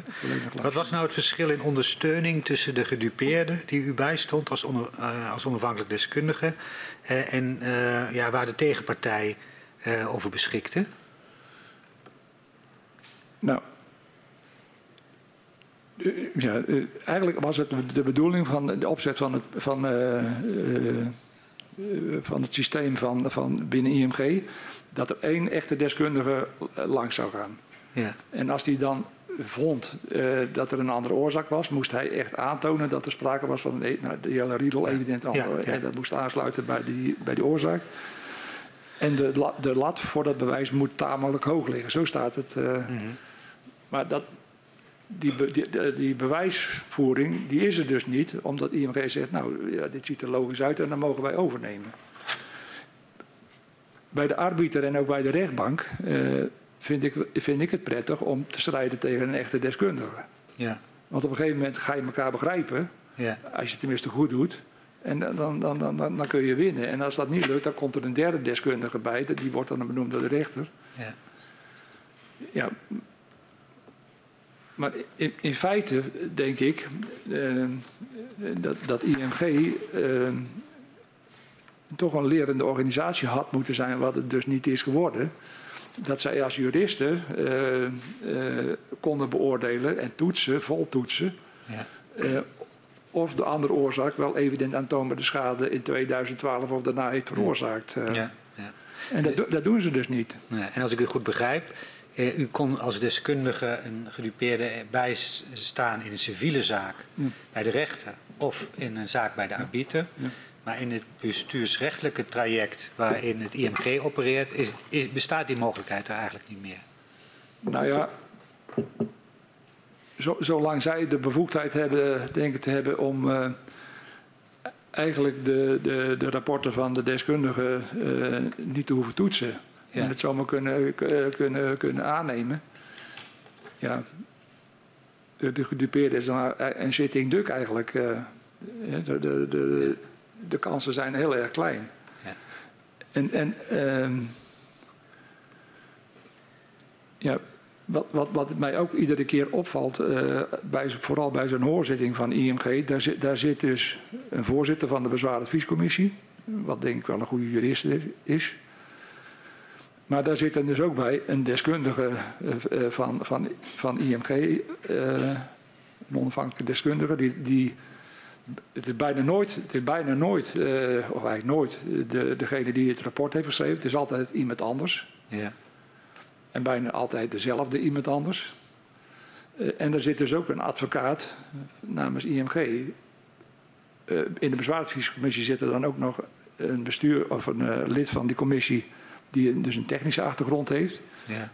Dat is eigenlijk bedoeld om te kunnen beoordelen of de deskundige eh, eh, van IMG en ik eh, dingen zeggen die kloppen, zeg maar. Mhm. Maar hij mag zich er eigenlijk niet tijdens de discussie mee bemoeien. Maar wat er, wel, wat er dus wel gebeurt is dat die, de, zie ik heel vaak, die deskundige, of die, nee, die, die technische man van de bezwaaradviescommissie, die zit vaak heel vaak te overleggen met de deskundige van IMG. Van, zou het misschien da- dan niet dat zijn of zo? Ja, eh. ja. En daar erger ik, me wild aan. Want dat, dat- vindt het niet een gelijk speelveld? Nee, dat is, dat is helemaal geen gelijkspeel. En sowieso. Ja. eh, vind ik dat omdat met name de landsadvocaat Thijs Fransen en mevrouw Winterink zich er ook nadrukkelijk mee bemoeien, ja. is er sowieso geen, geen gelijk speelveld. Want er zijn een aantal beroepszaken bij de rechtbank gewonnen en IMG gaat gewoon in hoger beroep bij de Raad van State. Ja. Met, met, weer nieuwe onderzoeken ja. om te kijken of ze toch nog kunnen bewijzen. Dat zijn allemaal kosten die worden betaald door uh, uh, wij bij elkaar, geloof ik. Ja. En de deskundige die, die, die, die beschikt niet over die, des, deskundige zoals ik die dan toevallig heb. En ook niet de deskundigheid van een hele goede jurist. Ja. Wil ik u nog even een andere vraag stellen? Want ik, op zich heb ik nu een goed beeld van uh, zeg maar, waarom u kritisch bent op hoe het IMG dat nu invult.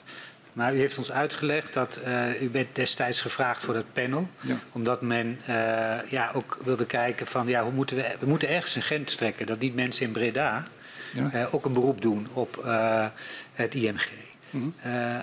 als ik het nou omdraai en u vraagt, is het mogelijk om een bepaalde grens te trekken? Of als we uw redenering volgen, kan dan niet iedereen in heel Nederland een beroep doen op de regeling? Nee, dat, het paneladvies is zo opgesteld dat dat niet kan. Nee. En waarom op, op, op, een, op, een gegeven moment dempt, dempt die, die, die, uh, die trilling van aardbeving uit. Hè? Dus als de ja. V-top kleiner wordt dan die 0,3 mm per seconde. Ja. Dan moet je zeggen, je kan geen gebruik meer maken van het bewijsvermoeden. Hè? Dan, moet je, dan moet de gedupeerde zelf bewijs leveren. Bijvoorbeeld met foto's van de situatie voor 2012 of zoiets dergelijks. Ja dat het duidelijk wordt dat, het, dat die schade echt na 2012 is ontstaan. Ja. Maar uh, ja, op zeker moment is dat over. Ik, ik kan u vertellen dat uh, de, de, rechters bij de civiele rechtbank, die houden helemaal geen contour aan. Mm -hmm. die, die, die beoordelen het op basis van uh, een, een, een, rechterlijke beoordeling, ja. waar ongeveer die grens zal liggen. Die, die zeggen als het maar dicht genoeg bij, bij het gasveld ligt. Hè. Ja. En uh, en dan gaan zij ervan uit, als de schades lijken op schades die door mijnbouwschades kunnen zijn veroorzaakt, hè, ja. als ze daarop lijken, dan gaan zij ervan uit dat het bewijsvermoeden van toepassing is. Ja, maar dat, dat, is, ook hun, dat is aan hun ook voorbehouden. Dat ja. kunnen zij als rechters. Ja, dat snap maar, ik. Maar, maar u zegt... Nee, maar ik wil het even afmaken. En zij zeggen heel nadrukkelijk, als de, de advocaten van de NAM gaan proberen met de SBRA... dan te komen, dan zegt de, de rechterbank zegt altijd tegen... u weet dat wij vanaf 2018 uh, eh, ja. of 2017 nooit gebruik maken van de SBRA. U moet op een andere manier zien ja. aan te tonen dat er een andere oorzaak is. Uh. Helder, maar dat ging over de rechter. Maar mijn vraag ging over het panel. En u zegt, als het paneladvies van destijds uh, was opgevolgd, ja. had er een contour getrokken kunnen worden. Maar die ligt verder dan de contour waar het IMG nu mee werkt. Ja, ik, ik, denk de, de, de, echt, de, echte contour waar het echt ophoudt, is de grens waar de V-top niet meer aanwezig is. Da, ja. Daar zou het eigenlijk moeten liggen. wat betekent dat in gewoon Nederlands? Dus dat de trilling, de trilling, echt nul wordt. Nul. Echt helemaal nul. Ja. Want er is een, ik heb een rapport van TNO ja. uh, uit 2016 van meneer Geurts uit mijn hoofd. Die, die, die heeft dus een kalibratie gemaakt tussen de SBRA ja. en de, uh, de uitgekeerde schade, de gekeerde uitscha uh, uitgekeerde schades van, er, van erkende schades. Ja. En, en, die is toen tot de conclusie gekomen uh, dat als de V-top, uh, die, die, neemt dus af in een grafiek, ja. als hier de, de, de V-top is en die neemt dan met afstand af. Ja. Die zegt als, de, als die heel erg laag wordt, dan wordt de kans, de kans op schade, die, blijft, die, heeft, een ondergrens, die heeft een ondergrens die hoger dan nul is. Ja. En dat is dus te verklaren dat in gebouwen spanningen kunnen zitten, waardoor hele kleine, kleine trillingjes nog. nog nou, en waar die grens eh, precies ligt, dat, ja, dat, dat weet ik niet. Er zijn, er zijn mensen die verstand van tiltmeters hebben. Die zeggen dat dat ergens in Drenthe in de buurt van, eh, voorbij Assen moet liggen of zo. Ja, maar als u zegt de V-top 0, uh, dan, ik ben leek, een leek, maar dan zeker bij een zware beving, zoals Huizingen, dan ligt die contour verder weg. Ja, de, de, de, de, aardbeving van Huizingen is de zwaarste. Ja, precies. En, en dat is ook de omhullende van alle andere bevingen. Ja. Ja. Maar ook die kun je dus niet interpreteren als een harde grens. Hè. Het, het, het paneladvies uh, omschrijft dat best goed, vind ik. Ja. Uh, maar binnen dat gebied heb je dus meer cirkels. En dus op een plek kunnen meerdere aardbevingen uh, schade veroorzaken. Ja. Want, die, want die, die, die, hebben allemaal een veto op die boven die 0,5. Nee, dat snap ik. Ja. Ja. Helder.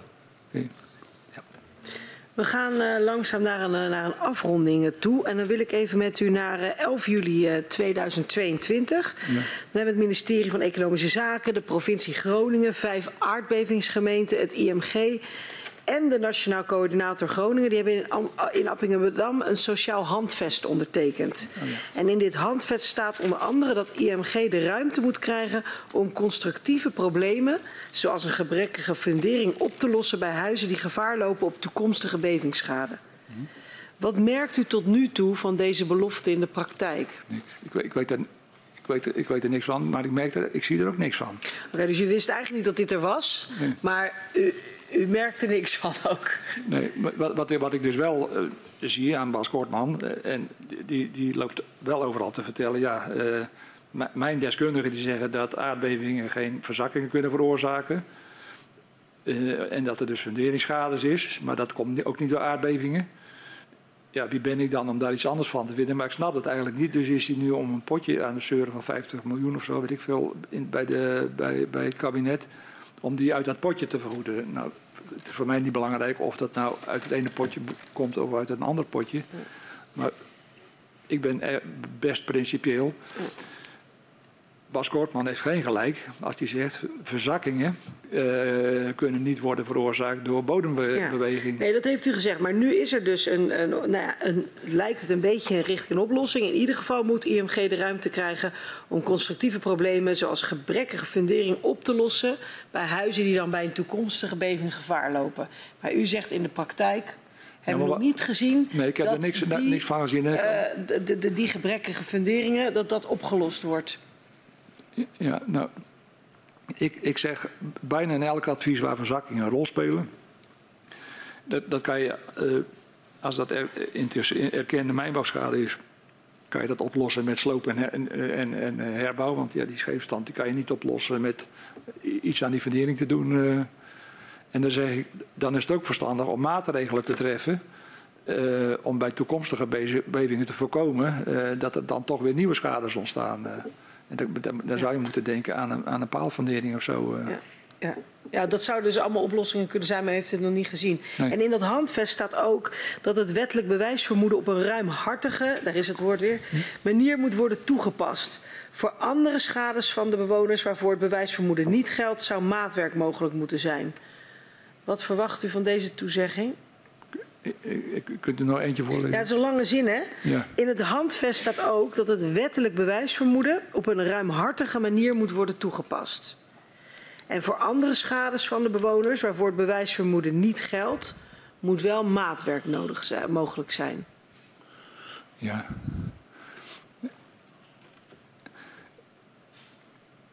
Ja, daar kan ik heel veel van vinden, maar daar merk ik dus helemaal niks van. Nee. En ik kan me niet voorstellen dat als in een woning eh, mijnbouwschades zijn, en die zijn erkend, of die zijn, eh, daarvan moet je aannemen eh, dat die er zijn, dat er dan nog andere schades zijn die niet mijnbouw gerelateerd zijn in diezelfde woning. Eh, Daar kan ik me niks bij voorstellen. Want die, dat huis komt in trilling of dat verzakt door die indirecte effecten. En als er dan opeens schades zijn, eh, ja, de ene is wel mijnbouwschade en de andere niet, daar, daar kan je geen andere, dan moet er dus een andere oorzaak voor, juist voor die schades worden aangetoond, die op precies diezelfde datum die schades hebben veroorzaakt. Daar kan ik me niks bij voorstellen. nee. Dus u heeft daar geen verwachtingen van. Ja, misschien is er iemand blij gemaakt Ja. met een dode mus of zo, maar ik weet er niks van. Eh, de- Dan heb ik nog eigenlijk een laatste, en dat is een, een, eigenlijk een reflectieve vraag voor u. Een? Wat had u nou, een reflectieve Ja, vraag, ja. wat had u nou beter of, of anders kunnen doen? Om gedupeerden te helpen of om, om, om de schadezaken makkelijker op te lossen? Nou, ik denk dat er nog een hele weg te gaan is om duidelijk te maken eh, hoe, hoe die evidente en andere uitsluitende oorzaak werkt. Die moet overeenstemmen met die periode waarin de schade is ontstaan. Daar is dus een tunnelvisie ontstaan, omdat die, die voorwaarden over die, die, eh, die tijdsperiode, die wordt door iedereen vergeten. En als je dat doet, dan kunnen zomaar andere oorzaken een andere oorzaak zijn. En IMG die zegt ook, ja, onze deskundigen die kunnen op basis van kenmerken zien eh, wat de andere oorzaak is. Dus naar de aard zou er een andere oorzaak kunnen zijn. Maar dat is niet mogelijk als je al moet aannemen dat het naar de aard van de schades het mijnbouwschade is. Dan kan je niet naar dezelfde, van dezelfde scheur zeggen, ja, deze schade is naar zijn aard uh, een andere oorzaak. Hè. De, aan die scheuren en aan die verzakking hangt geen etiketje van wat nou de oorzaak is. Het, zo, zo makkelijk is het niet. Uh.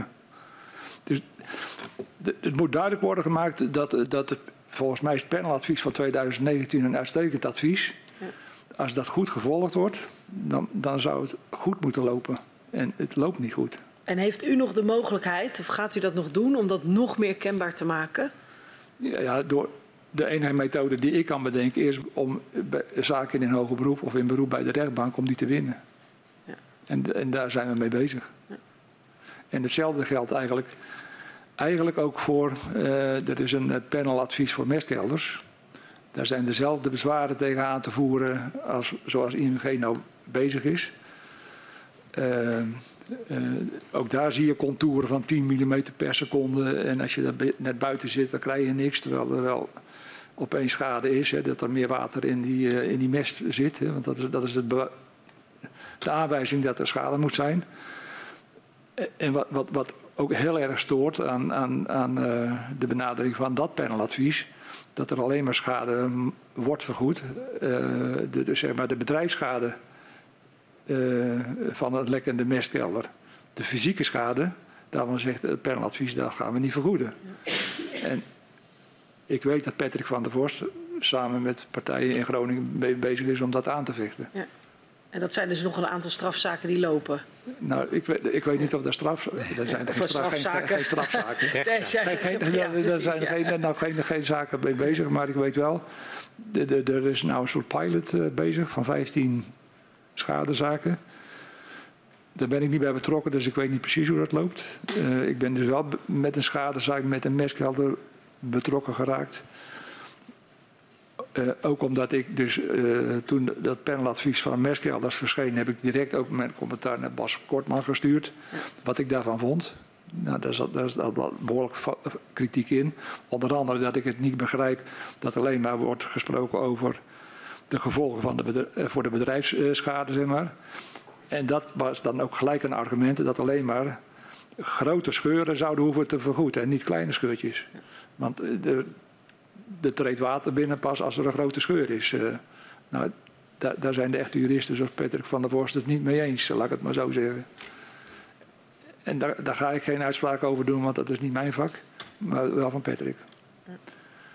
Uh, en ook, daar hoor ik dus de, ja, de klacht van dat ook zij uh, een rechtsongelijkheid proeven tussen de capaciteit van deskundigen, zogenaamde deskundigen, en, en, en hun juristen tot en met de, tot, tot en met de landsadvocaat. Eh, in tegenstelling tot wat een, wat een boer eh, tot mogelijk heeft. En zelfs de, de agrarische uh, verenigingen die daarin bij, eventueel in kunnen bijstaan.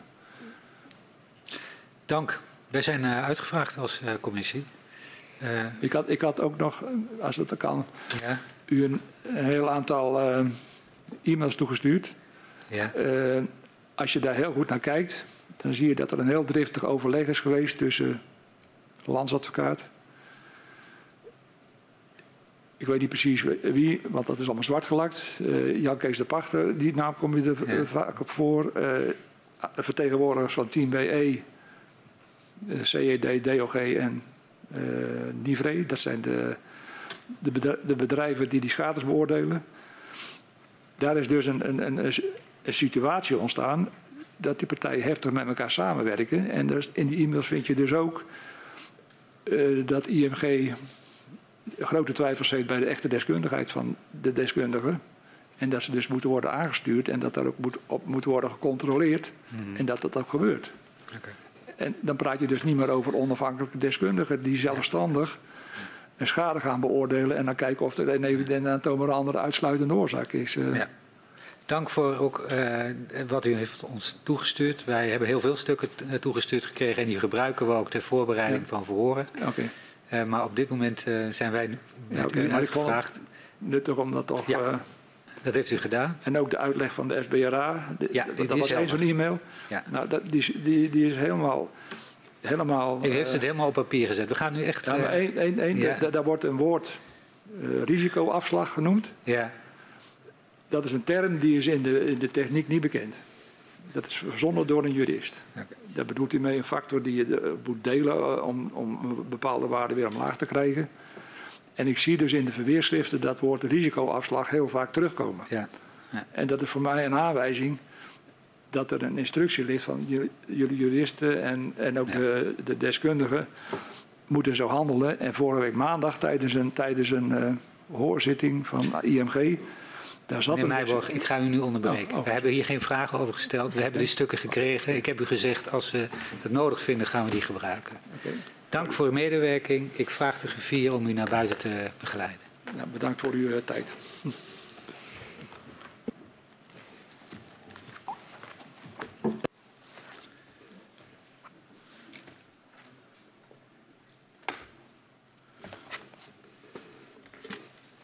Tot ziens. Ehm, wij gaan eh, ons derde verhoor om eh, kwart voor drie beginnen. Sorry, kwart voor vier moet ik zeggen. Eh, en ik sluit de vergadering.